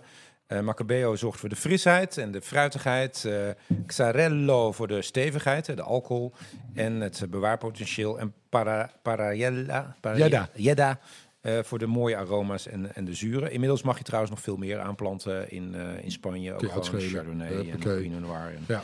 dus dat mag ook sinds eh, 81, 98, weet ik veel wanneer. En ook eh rosé cava wordt er ook gemaakt van die Pinot Noir druif. Eh, we hebben het trouwens de hele tijd over cava. ehm, maar dat, mag, dat wordt pas genoemd sinds 19... Het begint bij mij nu ook een beetje op te, op te burpen. Eh, het- sinds 1970. Daarvoor, zoals gezegd, heette dus champagne. Ehm, maar de Spanjaarden hernoemden de wijn in het jaar officieel cava... om zo te voorkomen dat de wijnboeren in de Champagne-streek... allerlei rechtszaken zouden gaan eh, aan, aanspannen. En dat hebben ze natuurlijk eh, ook wel vaak gedaan. Eh, maar goed, eh, de Spaanse wijnboeren dachten van... eh, we doen het alvast maar. Eh, we gaan dus nu een cava drinken. Ehm, misschien kunnen we die overmaken, openmaken. Kan jij nog wat vertellen over dat woord cava? Ja. Mm. Over ze maken een cava open, maar die, dat, dat is, eh, ja, dat is hem, ja. Ja. Maar dat is eigenlijk geen cava, want dat willen ze niet dat het zo heet. Dus- Eh, oh, Oh, kijk uit. dat is een Corpinat. Een corpinat. Ja, die heeft nog strengere regels als de Cava. Leuk. Ja, daar hebben we wel eens een keer over Ja, gehad. Sab- daar hebben we ook in een podcast over Ja. gesproken. Hè? Als jij hem openmaakt, ga Zal ik het een verhaal. keer doen? Ja. Corpinat. Oké. Nou Oh, goed, de naam cava is eh, afgeleid van het Spaanse woord voor grot. En dat is een verwijzing naar de kelders waar de wijnen liggen opgeslagen om te rijpen. En er zijn natuurlijk weer allerlei voorwaarden aan verbonden... die opgelegd zijn eh, door die organisatie die in eh, Spanje de herkomstkwalificaties toekennen.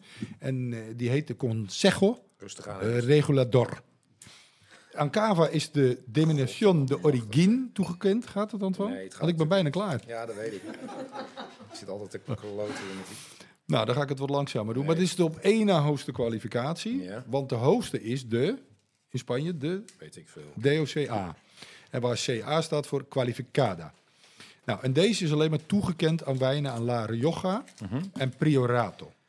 Oh, nou, ik ben er hoor. Ja, Ga jij maar door hoor, Ernst. ja dan pak ik het stukje Eén, ook. Nou, Twee, drie, vier, vijf, zes. Ja, ja, ja Hey. toch?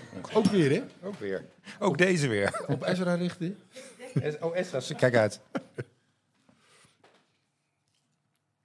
Hoppakee. Hopsa! Kijk, Zo ik maak hoort het er dus ook- niet. Oh, god allemaal. nou, eh, jongens, eh, schenk hem maar rond. ik hou me niet aan de regels. Ehm, Je pakt er vol. Of jij, jij gaat gewoon even door, hè? Maar wat? ja, maar ik, ik, heb ergens om, ik ben even alles kwijt, jongens. Ga, ga, Ernst, ik jij ga maar wel door. even verder. Ik Ja. zit weer helemaal bovenaan in mijn verhaal. Ja. Nou, wat zijn de voorwaarden verbonden aan een eh, cava DO? Ja, Nou, eh, we beginnen met de flesrijping. ja. Voor de gewone cava is dit minimaal 9 maanden. Voor de reserva is dat 15 maanden. Net als voor champagne trouwens, Mhm. is ook 15 maanden. En voor een Grand Reserve is dat in minimaal 30 maanden. Nou, daarnaast mag cava alleen maar uit een, een van de volgende regio's komen. Penedès, La Rioja, Navarra, Aragon, Valencia, Extremadura en País Vasco. Zo, Hey. Ja, ik ben weer bij. ja, ga maar verder. Eh, nou, die cava die wordt eh, toch wel, het meeste wordt wel in Penedès gemaakt. En 9 tot 95 procent eh, komt daar vandaan. Ga er een keer naartoe als je in Barcelona bent. Eh, ga, ga daar een beetje eh, zoeken naar toertjes. En het is echt geweldig. Je gaat met Zeker. treintjes door de meest eh, geweldige kelders. Bizar groot, niet normaal. Eh, vervolgens eh, mogen slechts eh, een beperkt aantal druivenras worden gebruikt. Nou, daar hebben we het net ook al over geho- gehad. En tot slot dient de tweede vergissing op de fles plaats te vinden. Eh, de methode traditioneel, nou, ook al besproken. Ehm, tot slot nog even de smaak. Pak hem ook maar even, Ja, Antoine. nou, over het algemeen kunnen we stellen dat de kava wat zachter is, wat fruitiger, ehm, minder zuur dan de champagne. Overigens zit volgens mij wel een droge... Ja, is die droog? Oh, dit vind ik toch wel fijn. Ehm, Ja, ja, ja, ja, ja. net weer iets droger. Ja, dit is wat... ehm, gaat, ja, gaat meer mijn, mijn stijl op, maar dat... Ja. De- overigens kan je nog even kort iets zeggen over dat eh Cor- Corpinat, want dat is een apart clubje. hè? Ik weet niet. Ja, dus- dat is een apart clubje. Die wilde eh, volgens een... ehm, eh, be- eh, ja, die gewoon wilde maar. wat strengere regels ja, toepassen op de cava. Ja. Eh, want zij vonden dat veel te breed enzovoort. En Ja. die, en, eh, maar zij kregen geen ehm, kla- kwa- kwalificatie voor eh, cava. Mhm. Ze zei, nee, wat jullie maken, dat is allemaal prima. Maar jullie hebben je eigen set van regels. Je Ja. houden niet aan die cava-regels. Dus mag je het geen cava noemen. oké. Dus hebben ze zich verenigd in de eh, ja, organisatie Corpinat. En Zo. er stond ook weer Cor en Pi en ja, Nat, precies. weet je wel. Er staat ergens voor. Ja. Het is een beetje zoals de, de, de Super Tuskens, die ook uiteindelijk Ja, hun eigen dat is het. regels gingen bepalen. Dat is het, ja. En dat is met Corpinat ook. Nou, dit, deze Corpinat eh, die kostte 24,50, ook bij Boonstoppel eh, te verkrijgen. Eh, Sabaté i Coca Corpinat Josep Coca Brut Natuur. Oh, bruut natuur. Dus Ja. dat is inderdaad droog. Ja. En de, nou, 65 maanden op de fles eh, gaat deze. Dat is toch Zo, wel, dat is eh, lang, hè? eh, dat is wel heel lang. Ja. Ehm, het wordt vaak vergeleken met een vintage champagne. Verfijnd, complex, rijk. Eh, geweldige fraîcheur vind ik ook zo'n woord. Fraîcheur. Ja, for sure. En, eh, en rijpheid. Het is meer een, een eetwijn. Dus, eh, Je moet er eigenlijk bij eten. Ja, Ja, je je moet er erbij staat van eten. alles op tafel. Dus. Oké, nou, ik, eh, ik vind het wel... eh, eh, Xarello en Macabeo wordt deze van gemaakt. Dus van, Oké. de- van twee van de druiven. Goed bij tapas gaat dit ook. Oké. Nou, ik zeg salut. Salut. Oh ja, salut jongens. Dat was alweer eh, wijn eh, vijf, hè?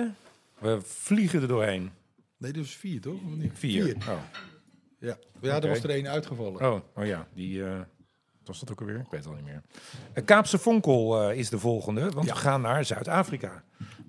Voordat we dat doen, ik heb er geen. eh, Even een applausje.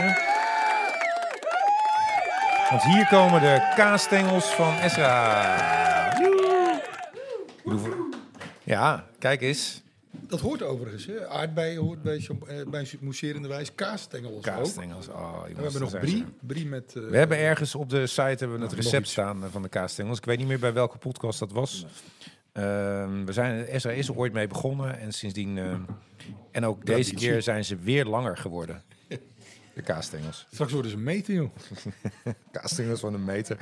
We gaan naar Stellenbosch, naar Zuid-Afrika. Eh, nou, da- eh, Stellenbosch dat is een stad in de provincie Westkaap, gelegen langs eh, de eerste rivier en ligt aan de voet van de Stellenbosberg. Eh nou ja, zoals we al in eerdere podcast hebben besproken, eh, het, eh, vernoemd naar Simon van der Stel, Hollands glorie potverdorie. 1679 eh, werd hij aangesteld als commandeur van de Kaapkolonie.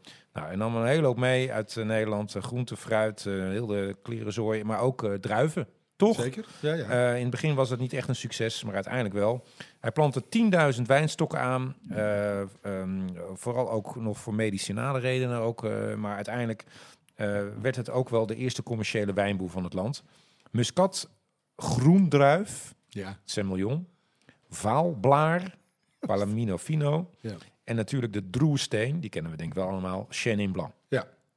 En waarom Chenin Blanc in Zuid-Afrika Dreuwe, da- dacht ik dat het overigens was, maar Dreuwe steen wordt genoemd. Jij wil. Dat is, hebben we de volgende anekdote verz- eh, gevonden. Nou, Chenin Blanc vindt zijn oorsprong, eh, oorsprong in Anjou en dat is een plaats gelegen in de Loiredal. En de druif wordt al rond 1500 vermeld en werd toen Plan d'Anjou genoemd. Mhm.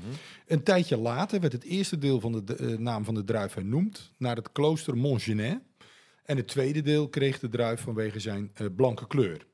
Nou, de eerste druiven, waaronder dus die Chenin Blanc, die arriveerden in 1655 in Zuid-Afrika op de schepen van de VOC. Eh, de druivenstokken die werden in vochtige doeken gewikkeld eh, om de lange reis te overleven.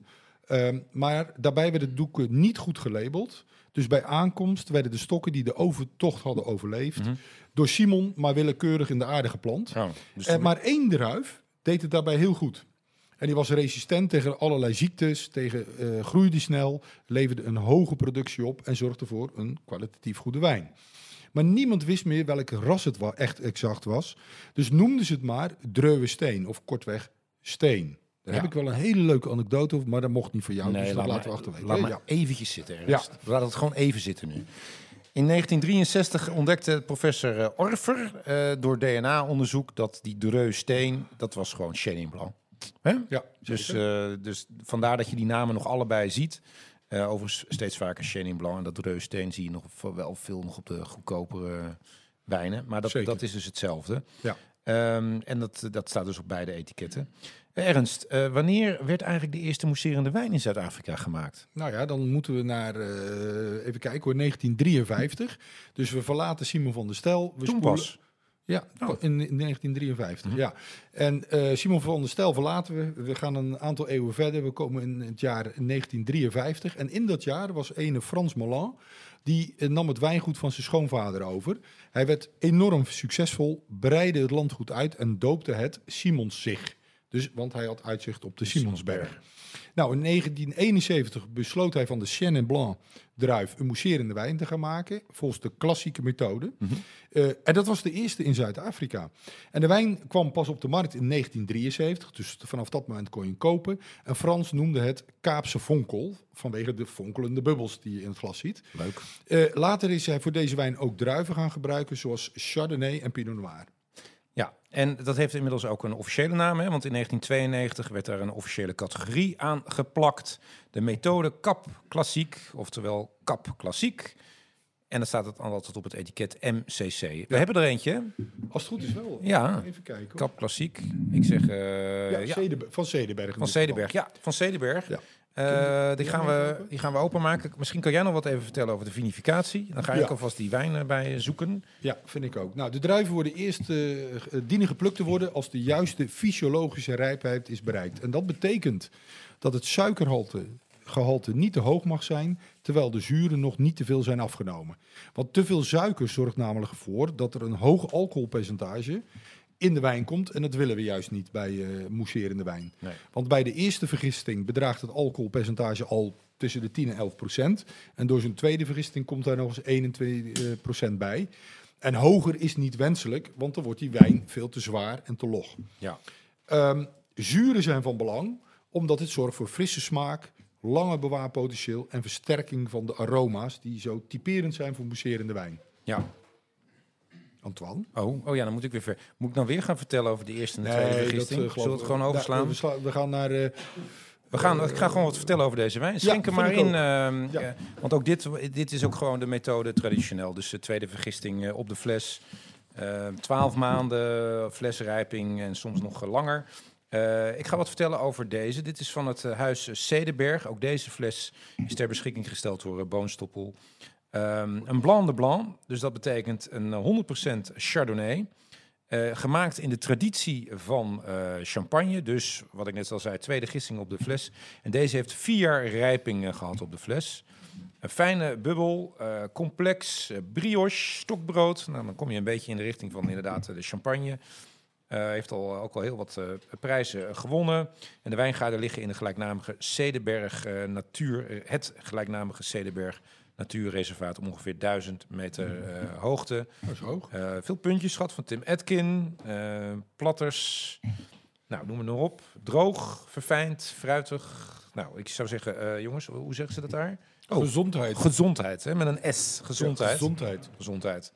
Ehm, en fonkelwijn is wel leuk. eh, althans, de, de, die zie je wel steeds meer in Nederland. En eh, we zijn echt bezig aan een opmars in, eh, in Nederland. Ehm, ik heb het idee dat dit toch wel de wijn van de toekomst is... en waar je een beetje op moet letten als het gaat om mousserende wijn. MCC, methode kap klassiek. Ik weet niet of dat eh, op de etiket staat, maar goed, k- kijken we straks wel eventjes. Oh, kijk daar nou. Ja, we Nou gaan nog steeds... komen we een eh, ja, beetje mooi thuis. hè? Het is wel een mooie opbouw zo. Hele mooie opbouw. hè. Ja. Puur toevallig natuurlijk. Ja. Ehm, maar wel leuk.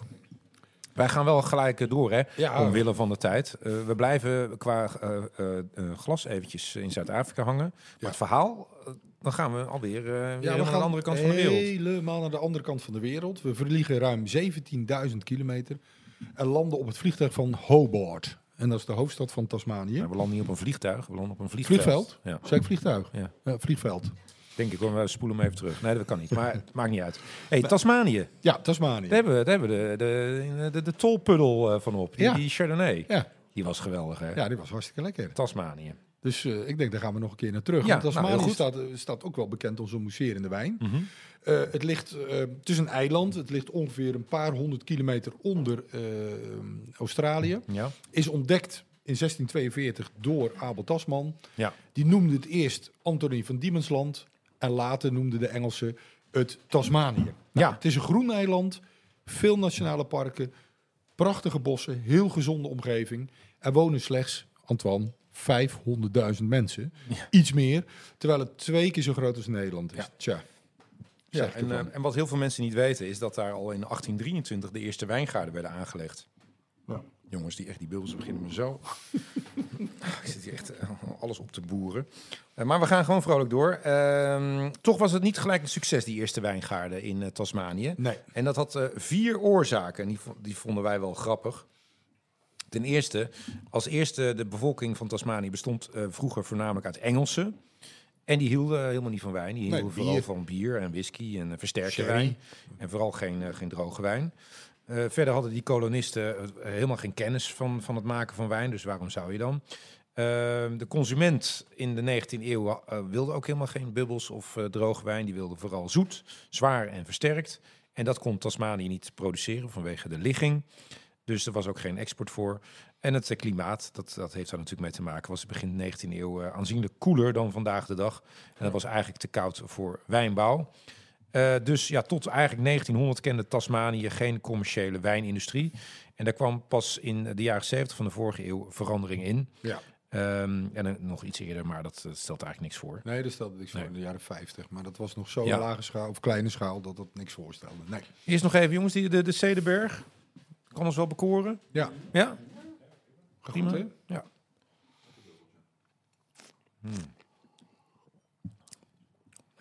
Ja, we moeten een beetje doordrinken, want we gaan eh, verder met het verhaal. Maar in die jaren 70 verschoof de voorkeur Ook van de ergens doe maar consument. even een kaastengeltje, Ja, alsjeblieft. Kan er niet bij. Hopsakee. Ze zijn wel heel lang, maar kan er net niet bij. Maar daar verschoof de voorkeur van de consument naar kwalitatief goede stille wijn in plaats van versterkte wijn. Nou, dit leidde tot een uitbreiding van de mondiale wijnproductie in cool climate gebieden. En dit zijn gebieden waar de gemiddelde temperatuur tijdens het groeiseizoen gemiddeld ergens tussen de 15 en 17 graden ligt. En hierdoor krijgen de druiven langer de tijd om te rijpen, waardoor een frisheid en mooie aroma's behouden blijven. En dat komt de kwaliteit natuurlijk van de wijn alleen maar te goede. Nou, door wetenschappelijk onderzoek kwamen de Tassies erachter, hè, de Tasmaniërs, eh, dat hun eiland dezelfde klimaatkenmerken heeft als de Champagne-streek. Want Tasmanië is ook een koel climate gebied en wordt gekenmerkt door een gematigd zeeklimaat. Hè, De lentes zijn bijvoorbeeld en zomers zijn mild, de herfst kent warme dagen en koele nachten en de winters zijn koud. Nou, het eiland wordt gekoeld door de winden vanuit de Indische Oceaan, dat, die komt vanuit het westen, de Tasmaanse Zee vanuit het oosten en de straat Bas, en die komt vanuit het noorden. En die kunnen zo sterk zijn dat er vaak grote schermen rond de wijngaarden zijn geplaatst om deze wijnstokken te beschermen. Nou, aan de zuidkant wordt het eiland en dus de wijngaarden beschermd door de bergketen. En dat die beschermd is tegen de koude wind eh, die vanuit Antarctica komt. Want die is 4.000, 5.000 kilometer verderop. Ja, het klimaat is dus uitermate geschikt voor wijnbouw. Veel Pinot Noir, veel Chardonnay en ook een beetje Sauvignon Blanc. Ja. En die Pinot Noir en Chardonnay zijn natuurlijk natuurlijk weer uitermate geschikt voor mousserende wijn. Eh, wijnwetgeving eh, werd in Australië ook nog eens versoepeld. Want wijn mocht nu ook rechtstreeks aan de consument worden verkocht. In plaats alleen via hotels. Dus eh, sinds dat moment ehm, ehm, ging het eigenlijk alleen maar berg, eh, Bergopwaarts. bergopwaarts. Ehm, in de jaren 1980 speurde het Champagnehuis, en ik heb het opgezocht, maar ik ben het alweer eh, vergeten hoe ik het moet uitspreken. Eh, eh, Louis Roderer. Ro- Roderer. Roderer. Roderer. Ja, hè? Roderer. Ja. Eh, de wereld af op zoek naar die cli- cool climate gebieden hè, waar jij het over hebt, eh, Ernst. Mhm. En eh, kijken waar ze nog meer eh, mousserende wijn kunnen maken, wat veel champagneboeren op dit moment eh, doen. En zij kwamen dus eh, terecht ook in Tasmanië. Gingen samenwerken met Heemskerk Wines, eh, gelegen in Piper Valley in het noorden van Tasmanië. Vernoemd naar een van de twee schepen van Abel Tasman, de Heemskerk. Hè, wat een geschiedenis allemaal weer. hè. Dat was mooi, Mooi, hè? noor- mooi doorvlochten door het Ja, verhaal. hè? ja, ja, De ja. Fransen en Tasmaniërs gingen eh, samen dus Pinot Noir en Chardonnay aanplanten. De koele druiven. En daar gingen ze dus eh, ja, eh, wijn van maken.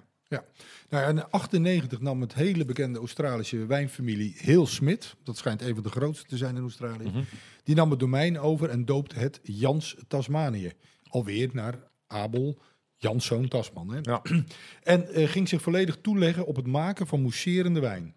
Volgens de, weer, de traditionele methode. En die noemen ze hier, vond ik wel leuk, methode tas, eh, Tasmanoise. Tasman Wazen. Ja, en de bubbels heten Sparkling Tasmania. Hm.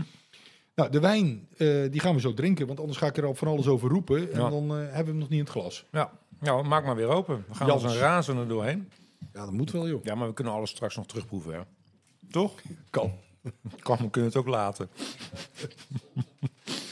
Ehm, hoe kom je trouwens aan die eh, wijn? ehm? Die heb ik gewoon besteld via internet. Echt? En Ja. Jans heet die. Jans, van eh, Abel Janszoon Tasman. Oké. Zo heet het wijnhuis, ja. En, en kan je daar nog iets over vertellen, over het wijnhuis?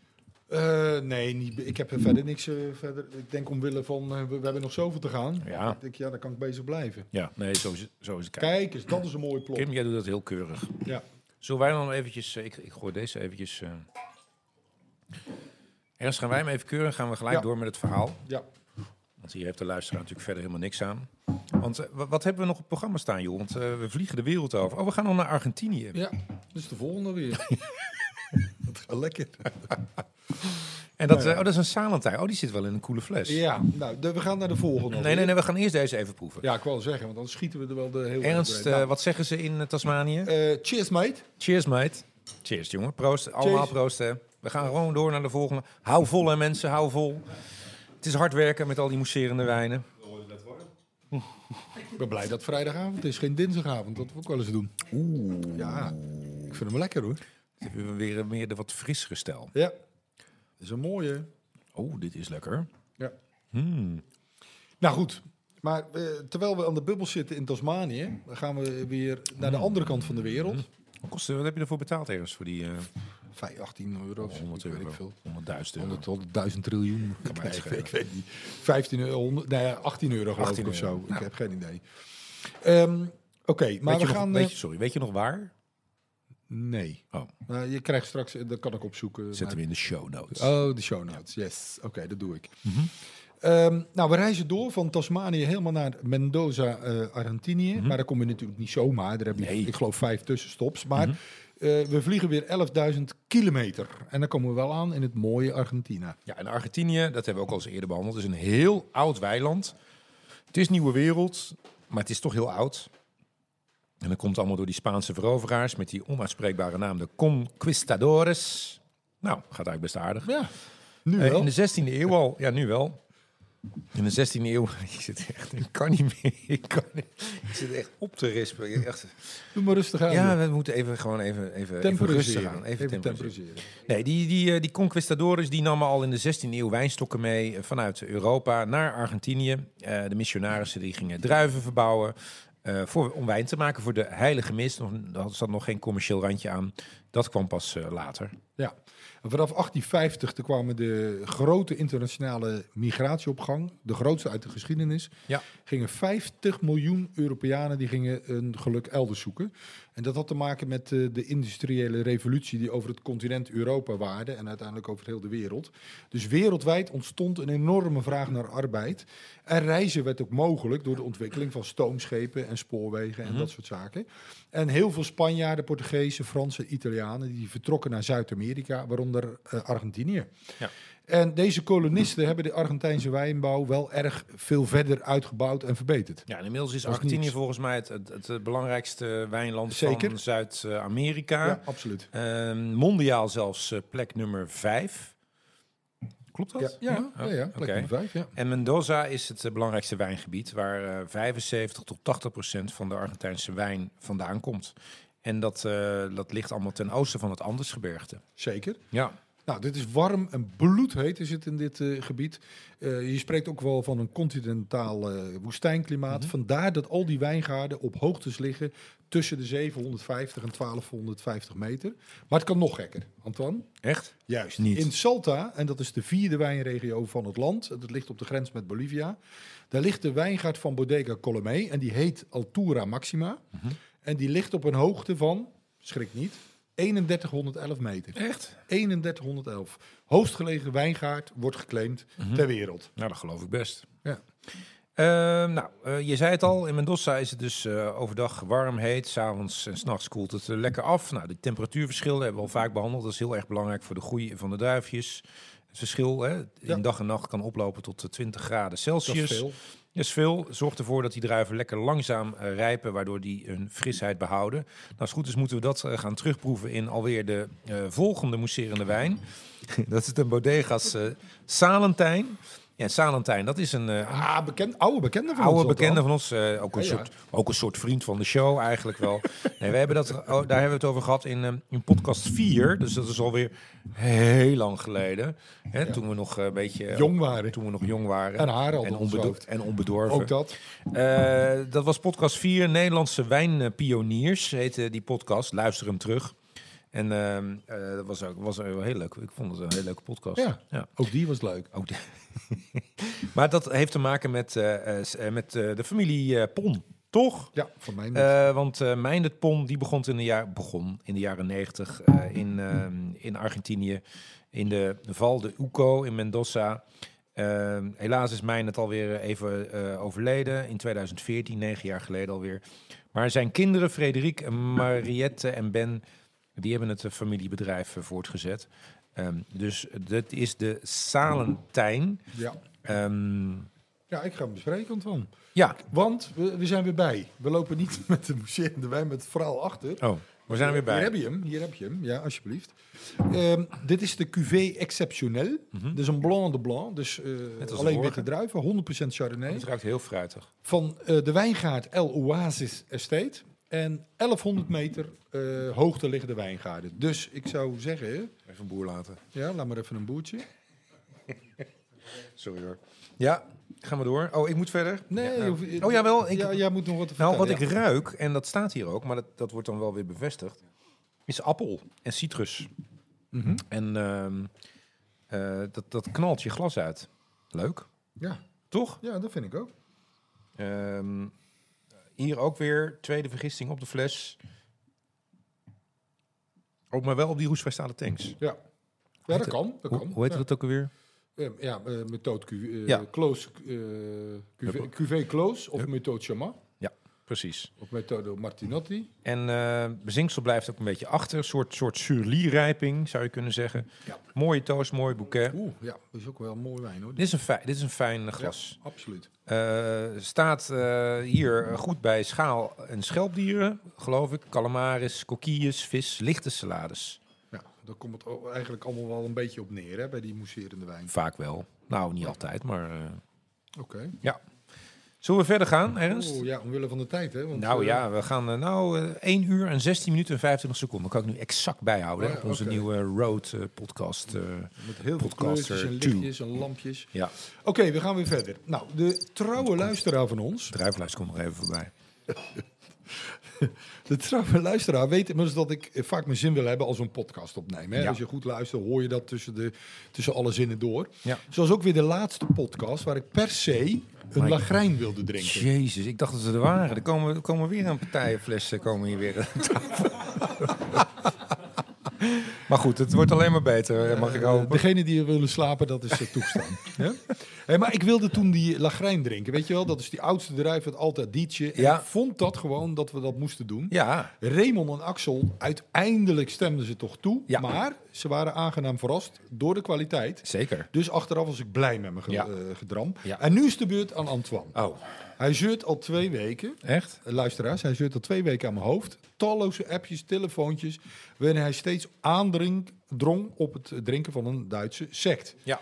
Dus na lang wikken en wegen heb ik toch maar toegegeven. En eh, Antoine gaat het hele verhaal vertellen over sect. Als hij dan nog in staat is. Tuurlijk. Dus kom er maar in. Nou, weet je waarom? Ik vind als je een podcast maakt over mousserende wijn, dan moet natuurlijk wel gewoon een Duitse secte bij, toch? Eigenlijk wel, maar ja, we hebben zoveel al staan. Maar goed, kom er maar We- in. we- eh. Ja, we- a- a- als we, als we eh, eh, rotzooi uit Krim gaan drinken, dan... eh, Maar dat was voor het verhaal, Antoine. Dat vindt de luisteraar. Die drinkt die eh, sec niet. eh, Nee, uit dat Krim. is waar. En wij, wij, wij, wij Ja, wel. wij moesten hem drinken. Ja. Oké, nou, sect. eh, ja, dat is gewoon ook een naam. Hè? Een Duitse benaming voor eh, mousserende wijn. Wordt gemaakt in Duitsland en in eh, Oostenrijk.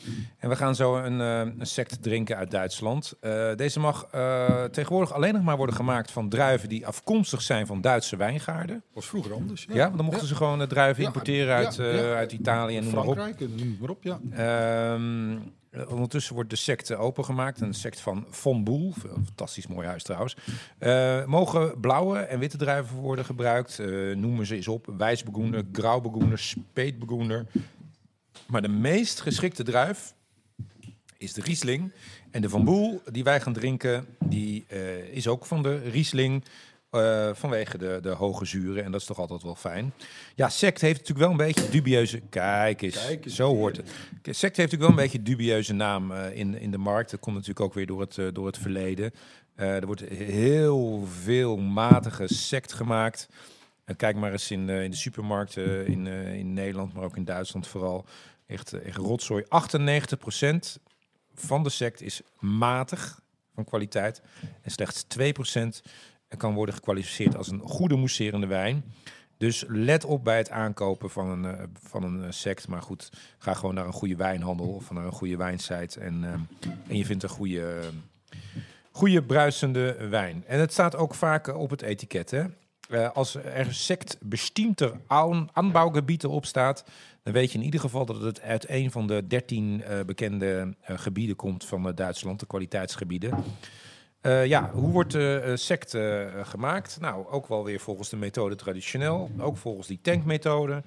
Eh, allerlei verschillende methodes. Eh, ik zal, zal ik eens even kijken welke deze voor methode Ja. heeft. Ja. Pak ik hem er eventjes bij. Ik heb het nog lekker ouderwets op eh, papier, zodat ik het allemaal niet kan vinden. Oh, jawel. Rijksrad van Boel, Vals. Deze komt dus uit de Vals. Eh, Riesling. Ehm, dit is een, ehm, zeggen ze, al, al zeggen ze het zelf, een goed gemaakte Riesling. Is voor menig sommelier en andere ingewijden in de wijnwereld de meest interessante eh, witte wijn. En daar kan je dus ook eh, ehm, eh, sect van maken. Dat doet dus ook Rijksrad van Boel. Een oud wijnhuis behoort tot de VDP. Ehm, eh, dat vind ik altijd wel fijn als ik in Duitsland ben. Ik zoek eventjes naar een VDP-wijngoed. En ik weet- Verein. En dan? eh, Deutsche? Deutsche Predikatsweingüter. Predikaatsweingüter. Güter. Oh, Guter. Guter. Ehm, en dat zijn eigenlijk altijd de- wel de beste, pardon, de beste Duitse producenten. Dat zijn er wel al, al een paar honderd inmiddels. Maar ehm, als je daar naartoe gaat, weet je in ieder geval dat het eh, goed zit. Nou, die reisgat van Boel die is daar ook eh, onderdeel van. Ehm, deze is dus gemaakt volgens de traditionele methode. Dus tweede vergisting Oh, op de fles. dan heet het een Winsersect. Wienser sect, klopt, ja. Ehm, eh, d- eigenlijk een beetje de, hetzelfde zoals dat natuurlijk ook gaat in de champagne. Ja, nou, eh, fris moet dit zijn. eh, Ja, ik- hij is erg lekker. ja, fris, appel, abrikoosje, citrus, eh, fris droog, feestelijk aperitief.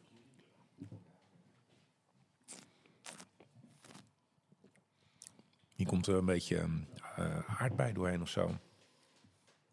Hè? Ja, ik, ik vind hem Heerlijk. Ja, ja, ik vind hem echt goed. Ja. Mooi gemaakt. Van de Riesling, wat was die nou? Ja, Riesling. Riesling 100%? 100% Riesling. Oh, oké, ja.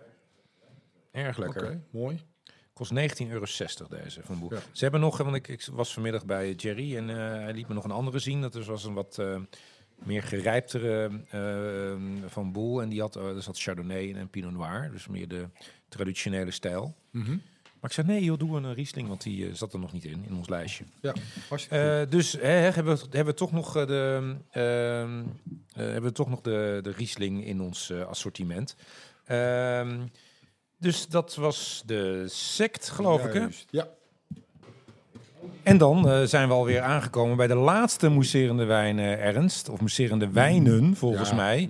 Eh, want ja, een, een podcast over mousserende wijnen zonder champagne, dat kan natuurlijk niet. nee. En ondanks dat we al een keer een eh, hele uitgebreide podcast hebben gemaakt over champagne, podcast 16 met onze vrienden van eh, Bubbel en Bruis. Bruis. hè. Bubbels en Bruis in Bubbels en Bruis. nou, Amsterdam. Ook superleuk, leuke dag gehad daar. Eh, Ehm, eh, ja, moeten we dat toch eventjes toch wel weer behandelen. Maar als je echt alle ins en outs wil weten over hoe champagne eh, wordt gemaakt en eh, waar het vandaan komt en de geschiedenis, luister dan naar podcast 16. Gaan we nu niet doen. Maar wat we wel gaan doen is met de heren die we dus aan het begin van de podcast hebben geïntroduceerd, Juri en Olger van de, de champagneboutique.nl uit ons eigen Dordrecht, gaan we een champagne eh, proeven. Maar ik dacht één, maar er staan hier gewoon potverdorie eh, drie eh, champagnes, Ja, toch? we, we hebben er Drie mooie gelukkig niks op. flesjes, ja. Nee, want we hebben ook nog helemaal nog geen, geen bubbel op. Dus dat kan er nog wel bij. Ja. Heren, eh, eh, nou ja, ik, kan, ik zou zeggen hartelijk welkom. Maar jullie zitten hier al anderhalf uur naar ons eh, te staren. Zeker. Keurig je mond gehouden. En je dacht, wanneer komt nou eens het echte werk aan bod? Toch of niet? Ja, Dat dacht je nu dus. stiekem wel, hè? Nu We gaat hebben het ons gebeuren. ingehouden. Ja, ja, maar we hebben genoten. Het waren, het waren mooie flesjes. Ja, Ja, er Hopelijk zaten- kunnen we er nog eh, wat moois aan toevoegen. Ja, nou, eh, ga je gang. eh, we- we- Ja. Wij gaan achterover zitten, Ja, toch? Hè? En we keer, laten ja. ons eventjes helemaal eh, Verrassen. verrassen. Genieten. Mooi. Jongens, eh, jullie krijgen tien minuten. dat is zat. Nee hoor, nee, nee, nee. Ik- Dan moeten we doordrinken. We hebben drie, eh, drie flesjes meegenomen. Ja. We beginnen met een, eh, met een mooie Blanc de Blanc Grand Cru. Dan hebben we een eh, Blanc de Noir Premier Cru en een mooie Mélisime uit eh, 2010. Doe maar. Om, eh, om te beginnen met een mooie Blanc de Blanc.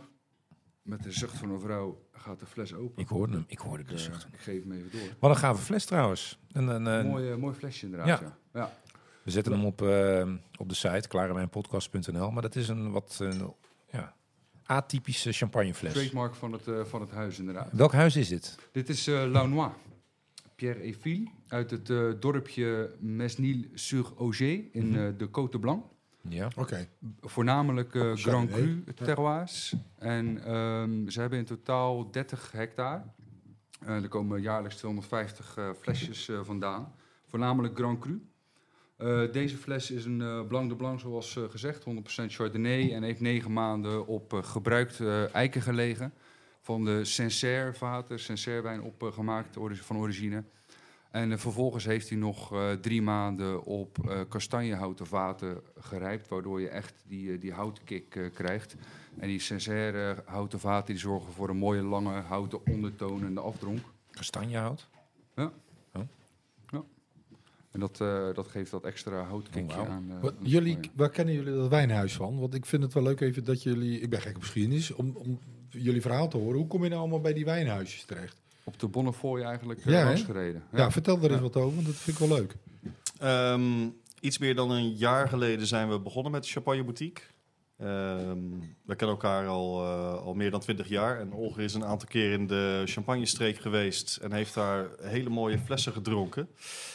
En in Nederland ehm, vonden wij dat eigenlijk veel te weinig mooie champagnes werden aangeboden. En aangezien het ook maar 420 kilometer bij ons vandaan is, vier uur rijden, die zit er zo zijn we daar naartoe gegaan op een, eh, op, met een zakelijk, eh, zakelijk inzicht om ook wat flessen te importeren. Ehm, en dat gaat lastig. Eigenlijk wat Kim net zei. Er zijn tegenwoordig genoeg Fransen die wel Engels spreken, maar die geen Engels willen spreken. Eh, Een mooie anekdote van ons is het huis Lopez Martin, waar we Oh. zo. eh, Ik gooi even gelijk mijn champagne op Eh, waar we zo eh, een, een, eh, een glas van gaan drinken. Is, daar, zijn, daar zijn we zes keer geweest. En pas bij de zesde keer Ja, zo gaat dat hè, in zou Frankrijk. dus, ging moet- de zoon van de eigenaar eh, tegen ons, eh, tegen ons Überhaupt praten. Nou, praten. Ja, ja, Daarvoor ja, heeft hij ja. helemaal Je, moet, niets gezegd. je moet echt vertrouwen eh, Je moet echt creëren. vertrouwen Ja. winnen. Eh, en dat is ook de reden dat we eh, eh, graag daar naartoe gaan. En het contact maken met, eh, met Mhm. de boeren zelf. Want jullie spreken geen Frans. Een petit peu. Klein Ja. woordje. Ja. Klein Ja. woordje. Dus dan, ja, dat is dan wel lastig natuurlijk. We krijgen eh, vaak de deksel op onze neus. Ja. eh, als, we, als we op de Bonnefoy komen. Mhm. Maar je merkt ook dat als we eenmaal je er binnen weer zijn een, zeggen en de als we dingen. eenmaal de, co- de connectie gelegd hebben, dat ze het ook heel erg fijn vinden dat we wel persoonlijk de mensen opzoeken. En Hm. Ja. ook dat we eh, Ja. geïnteresseerd zijn in het productieproces, eh, wat de champagnes van de kleine boertjes nou juist uniek maakt. En dat we het ook eh, in Nederland verkopen. We hebben geen gerenommeerde merken als Moet, eh, Veuve Clicquot of Pommery in de winkel. We Nou, hebben jullie echt- zijn ook twee keer zo duur als deze. hè? Ongeveer, denk ik. Ehm, Of valt het mee? Nee, daar zit wel redelijk in dezelfde prijs. eh, Ja, als want deze ik vind het wel echt een 45. fantastisch glas. Het is ja, wel het is een, echt eh, heel mooi. een- Heel mooi. Een stevige champagne. Het is wel Ja, een, voor een, zeker voor een Blanc de Blanc. ja, Ja, no- complex, eh, heftig, wel goed hoor. En ehm, Volgens mij is het ook wat meer alcohol of zo, of zeg ik nooit heel geks. Ik Nee, het is altijd 12 altijd 12 Ja, zo rond de 12, ja. Ik vind hem, eh, Ik heb het nog niet anders vind gezien. hem misschien stevig. Is het er wel. Oké. stevige champagne. Ja, deze, deze knalt echt uit je glas. Ik vind hem echt mooi, maar dat, er zit ook inderdaad dat, dat hout. Veel houtlagering. Ja. Gaaf hoor. Ja, en in de afdronk dus de frisheid van Sancerre. Ja. Ehm, dus deze champagne is eigenlijk best wel complex. Eh, Het is ook complex. niet per se een aperitief Ja. champagne. Hij kan ook wel wat eten erbij hebben. Ja. Eh, juist omdat hij die, die lagering heeft van eh, de, de, de negen maanden eh, lagering op hout. Mhm. Tot ehm, de drie maanden eh, extra lagering. Ja. En ook die Sancerre nasmaak die je erin terug kan proeven. Ja. Topglas. En, en dit is dus een heel klein wijnhuisje. 250 flessen per jaar. 250.000. Ja. 250.000. Dan, wa- dan was het wel heel klein geweest. Ja, echt. 250.000, 30 Ja. hectare. Ja. En eh, zijn in 1872 begonnen, generatie op generatie. Nu door eh, Severine en eh Caroline. En jullie Eerst- komen dan met je karretje aan of met, een- met een- en dan Ja, eh, zeg, goed. doe maar, maar even eh, een aantal flessen. Ja, je en begint dan, met een paar doosjes en Ja. dan eh, breng je dat aan de man. En dan eh, krijg je vanzelf wat grotere bestellingen. En Ja. hoe grotere bestellingen, hoe eh, vriendelijker ze daar worden. ja Dus, eh, natuurlijk. Ja. En dat, Ja. is- en ze zijn nu heel vriendelijk aan het Inmiddels wel. worden. De Ja, ja. eerste keer kwam ik daar met mijn vriendin en dan zaten we daar op een bank. En toen zat eh Caroline tegenover ons, de, de huidige Ja. eigenaresse. En die heeft ons een half uur gewoon aan zitten kijken zonder wat te zeggen. Ja. Dat was best ongemakkelijk. Ja, ik, ik heb het Eh, ook natuurlijk maar wel- inmiddels eh, kunnen we een redelijk gesprek eh, met de voerder Het hebben. blijven Ja. Fransen. hè. Ja, ja, ja. Ehm, nou, super lekker. Leuk. mooi, Echt goed heel begin. erg lekker. Eh, Maar we moeten door. ja. Eh, dus ik stel voor dat we de volgende eh, champagne gaan openmaken. Laten we dat doen. En eh, dat- we, we- we kunnen natuurlijk na afloop alles nog eh, eventjes doorproeven. Hè? Yes. Ehm, want jullie, hoeveel huizen hebben jullie in totaal? Een stuk of zes. Ja, Zes huizen. Het, het verschilt Ja. ehm, ook een beetje in, in aanbod. Ja. Ehm, we hebben een aantal eh, primaire leveranciers. Dat is eh, Ja. Lanois, wat we net dronken, en Lopez Martin, wat we nu gaan drinken. Ja. En daarbuiten zijn we wel altijd op zoek naar iets nieuws, naar iets speciaals. ja. Maar wat we nu gaan drinken is een Millissime 2015 100% Pinot Noir van Lopez Martin. En leg nog eens even uit voor de mensen. Millisime, dat betekent van één jaargang, hè? Ja, Millissime betekent dat alle druiven die gebruikt zijn om deze champagne te maken, uit één jaar ge- geoogst zijn. Kijk, Zo kan het ook. Zo, de knetter. Kijk, die misten we nog in deze podcast, hè? zoals Olga net zei. Go met- out with ja. a bang. Met de zucht van een vrouw moet je hem openmaken. Oh, Dat is nu even Nou, dat was een keiharde kreun, was dat. Dat was, dat was een schreeuwende keer nou, dit.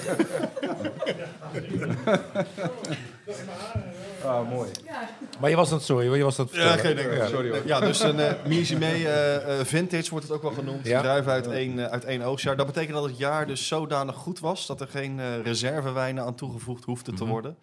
In champagne, als je naar een fles eh Moet... het meest verkochte champagne die er is... als je die gaat, eh, gaat kopen bij de Gallegal... staat daar nooit een jaartal op. Nee. En dat komt omdat champagne, in champagne wordt heel vaak gewerkt met reservewijnen. Ja, zeker. Dus dat ze elk jaar zorgen dat dezelfde kwaliteit gewaarborgd wordt voor de flessen. Nou, deze champagne is dus eh, uniek. Ehm, is ook bijna uitverkocht. En dat zorgt er dus ook voor dat we die niet altijd in het ors- assortiment kunnen hebben. Nee, Eh, lijkt me ook daardoor niet. blijven we elke Eén keer hoofdstijl vernieuwen. dus, En als ja. die op is, is die op, helaas. Ja. Ja. Leuk. Hey, en wie, aan wie leveren jullie nou? eh? Vrij divers. En, eh, zakelijke relaties, een aantal restaurants hier in Dordrecht, een Ja. aantal eh, wijnhandelaren. En, eh, Oké. nou, dat is vrij breed. Veel vrienden, familie. Die hebben allemaal weten te enthousiasmeren. Dat gaat Ja. dus ook altijd positief. Ja. Kijk, dit is wat zachter. Wat ehm Pinot Noir. Pinot Noir. Wat meer rood fruit, wat, Rond. wat, wat ronder. Ja. Ja. Zacht, rond. Iets groot langer fruit. gerijpt. Iets langer gerijpt. Ja, Zes jaar in de kelder, inmiddels zeven, Mooi. 2015. ja. Ja, dat zie je ook wel bij Mooi de, bij de kleinere huizen. Ehm, het is dus eentje uit 2015 die Mhm. juist eh, in 2021 in de verkoop ging. Ja. Maar omdat niet alle champagne direct verkocht wordt, eh, kan het best zijn dat tussen de eerste fles die verkocht wordt en de laatste fles die verkocht wordt, dat daar nog een jaar eh, Ja. rijping tussen zit. Ja. Dat dat gewoon nog eventjes in de kelder blijft. ja, zeker. Ja. Tuurlijk.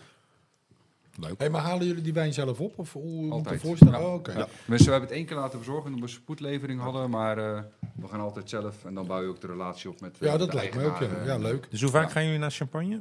Om de maand zo'n beetje. Echt? Ja. Om de maand. Ja, ja, Jezus, zeker. wat een leven. Heerlijk. Lekker man. Je leert, je leert altijd wat nieuws. En dat, dat is wel mooi. Dit, dit huis is Lopez Martin, waar de zoon dus pas na zes keer bezoeken tegen ons ging praten. En hij kon vloeiend Engels. En ik heb met zijn vader echt in, in Ja.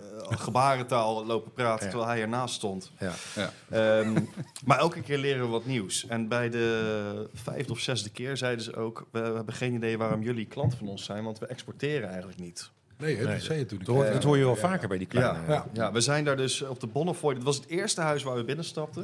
We hebben gelijk ook te veel geld uitgegeven, vonden we zelf. We waren nog geen uur in de champagne-streek en we hadden eigenlijk het hel- de helft we van ons blut. budget waren, hadden we Ah, uitgegeven. Dat is niet zo lastig in de champagne. Dat, Nee, eh, dat gaat gaat wel heel rond, ja. hard. Ja, ja, ja. Maar die, eh, die hebben dus 2000 verschillende klanten. En eh, daarvan zijn er twee in het buitenland. Dus eentje in Denemarken en eentje in Nederland. En dat zijn wij. We lachen hoor. Heel leuk. Eh, Dat, ja. uiteindelijk is dat, eh, is dat geweldig. Ze hebben, we hebben het hele assortiment wat zij voeren, hebben we hier in Nederland eh, ook. Ja. Behalve de instapchampagne, want die vinden we niet lekker genoeg. En wie bepaalt wat niet lekker is? Hebben jullie een proefpanel? Of zijn jullie samen? Of eh, de vrouwen? Of, eh, Wij voornamelijk. Ja. Ja. We moeten het zelf ook verkopen. Dus, en eh, op basis we van moeten wat wel eh, lekker- bepalen jullie dat dan? Gewoon eh goed voor...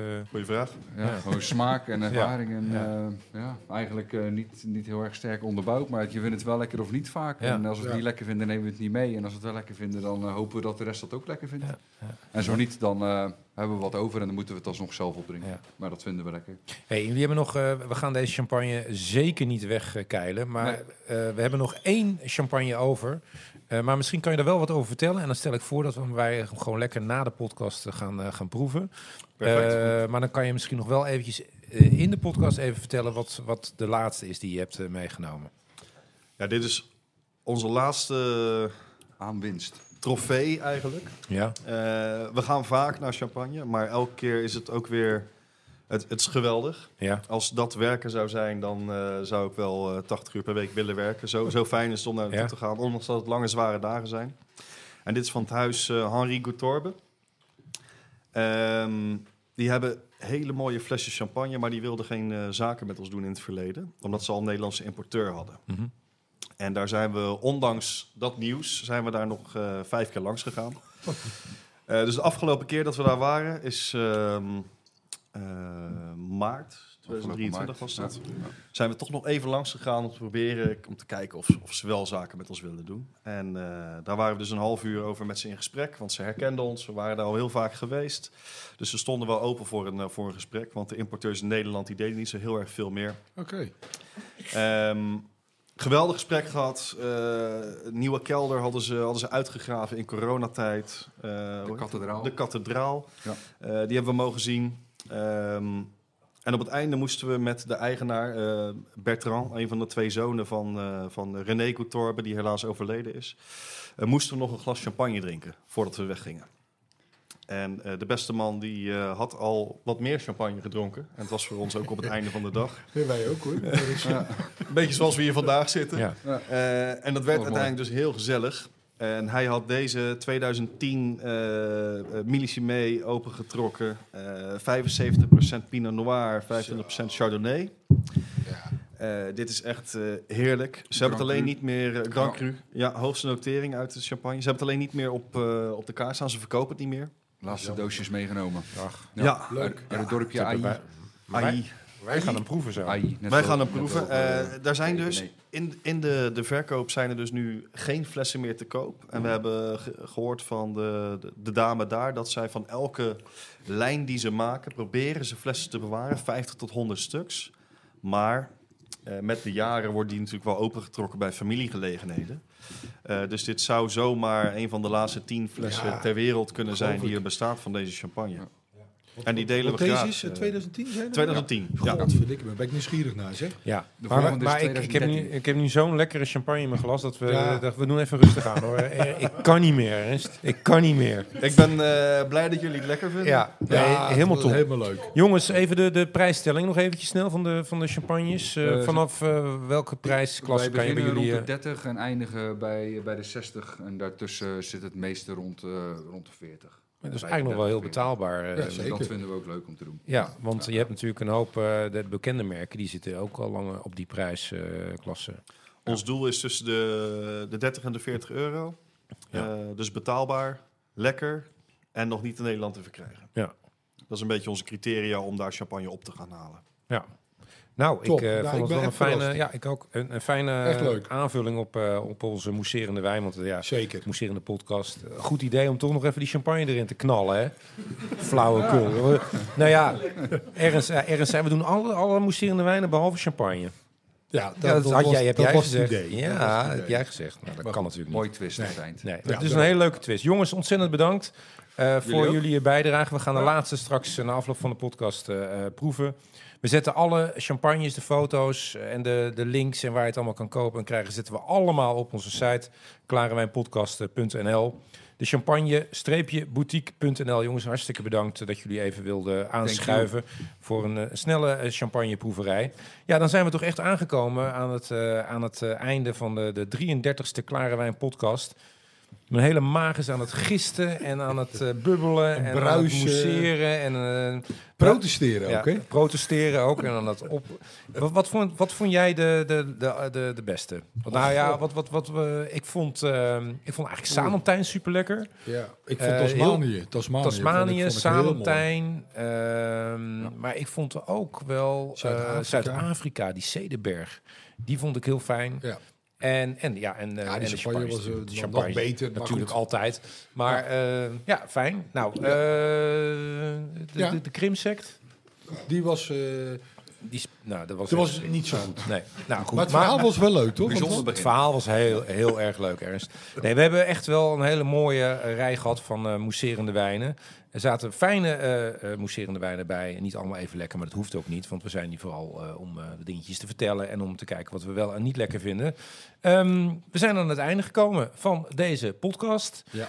Wat gaan we volgen? Dit was de podcast van mei, want het is lente. Hè? En we zijn Lente. lekker vrolijk en helemaal blij. Eh, de volgende podcast is dus de podcast van juni. Ja, wat we gaan doen, weet ik nog niet helemaal.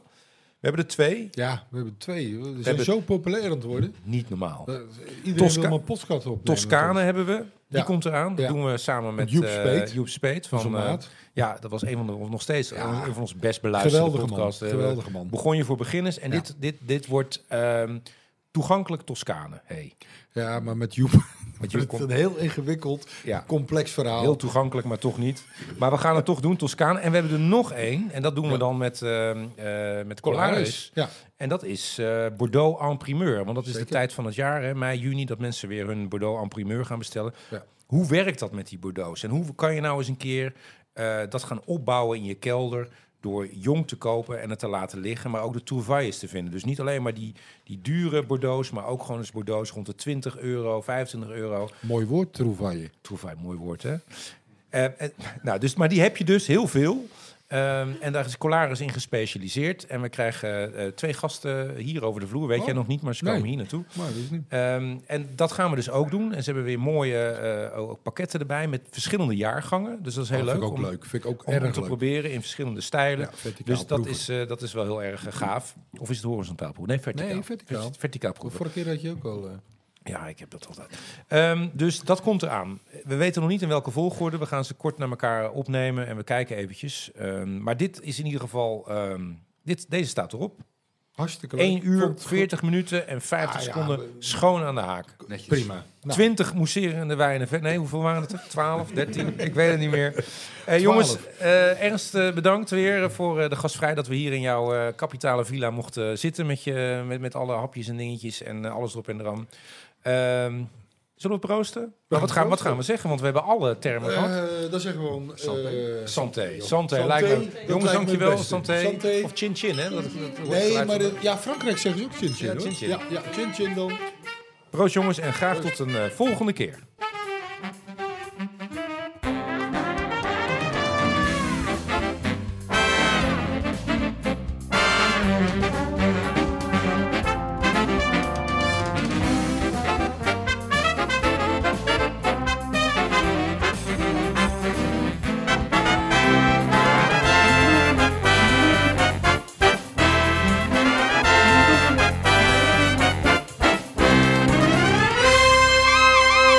Dit was de Klare Wijn Podcast. Wil je meer weten of de wijnen bestellen? Ga naar klarewijnpodcast.nl of check de beschrijvingen bij deze podcast.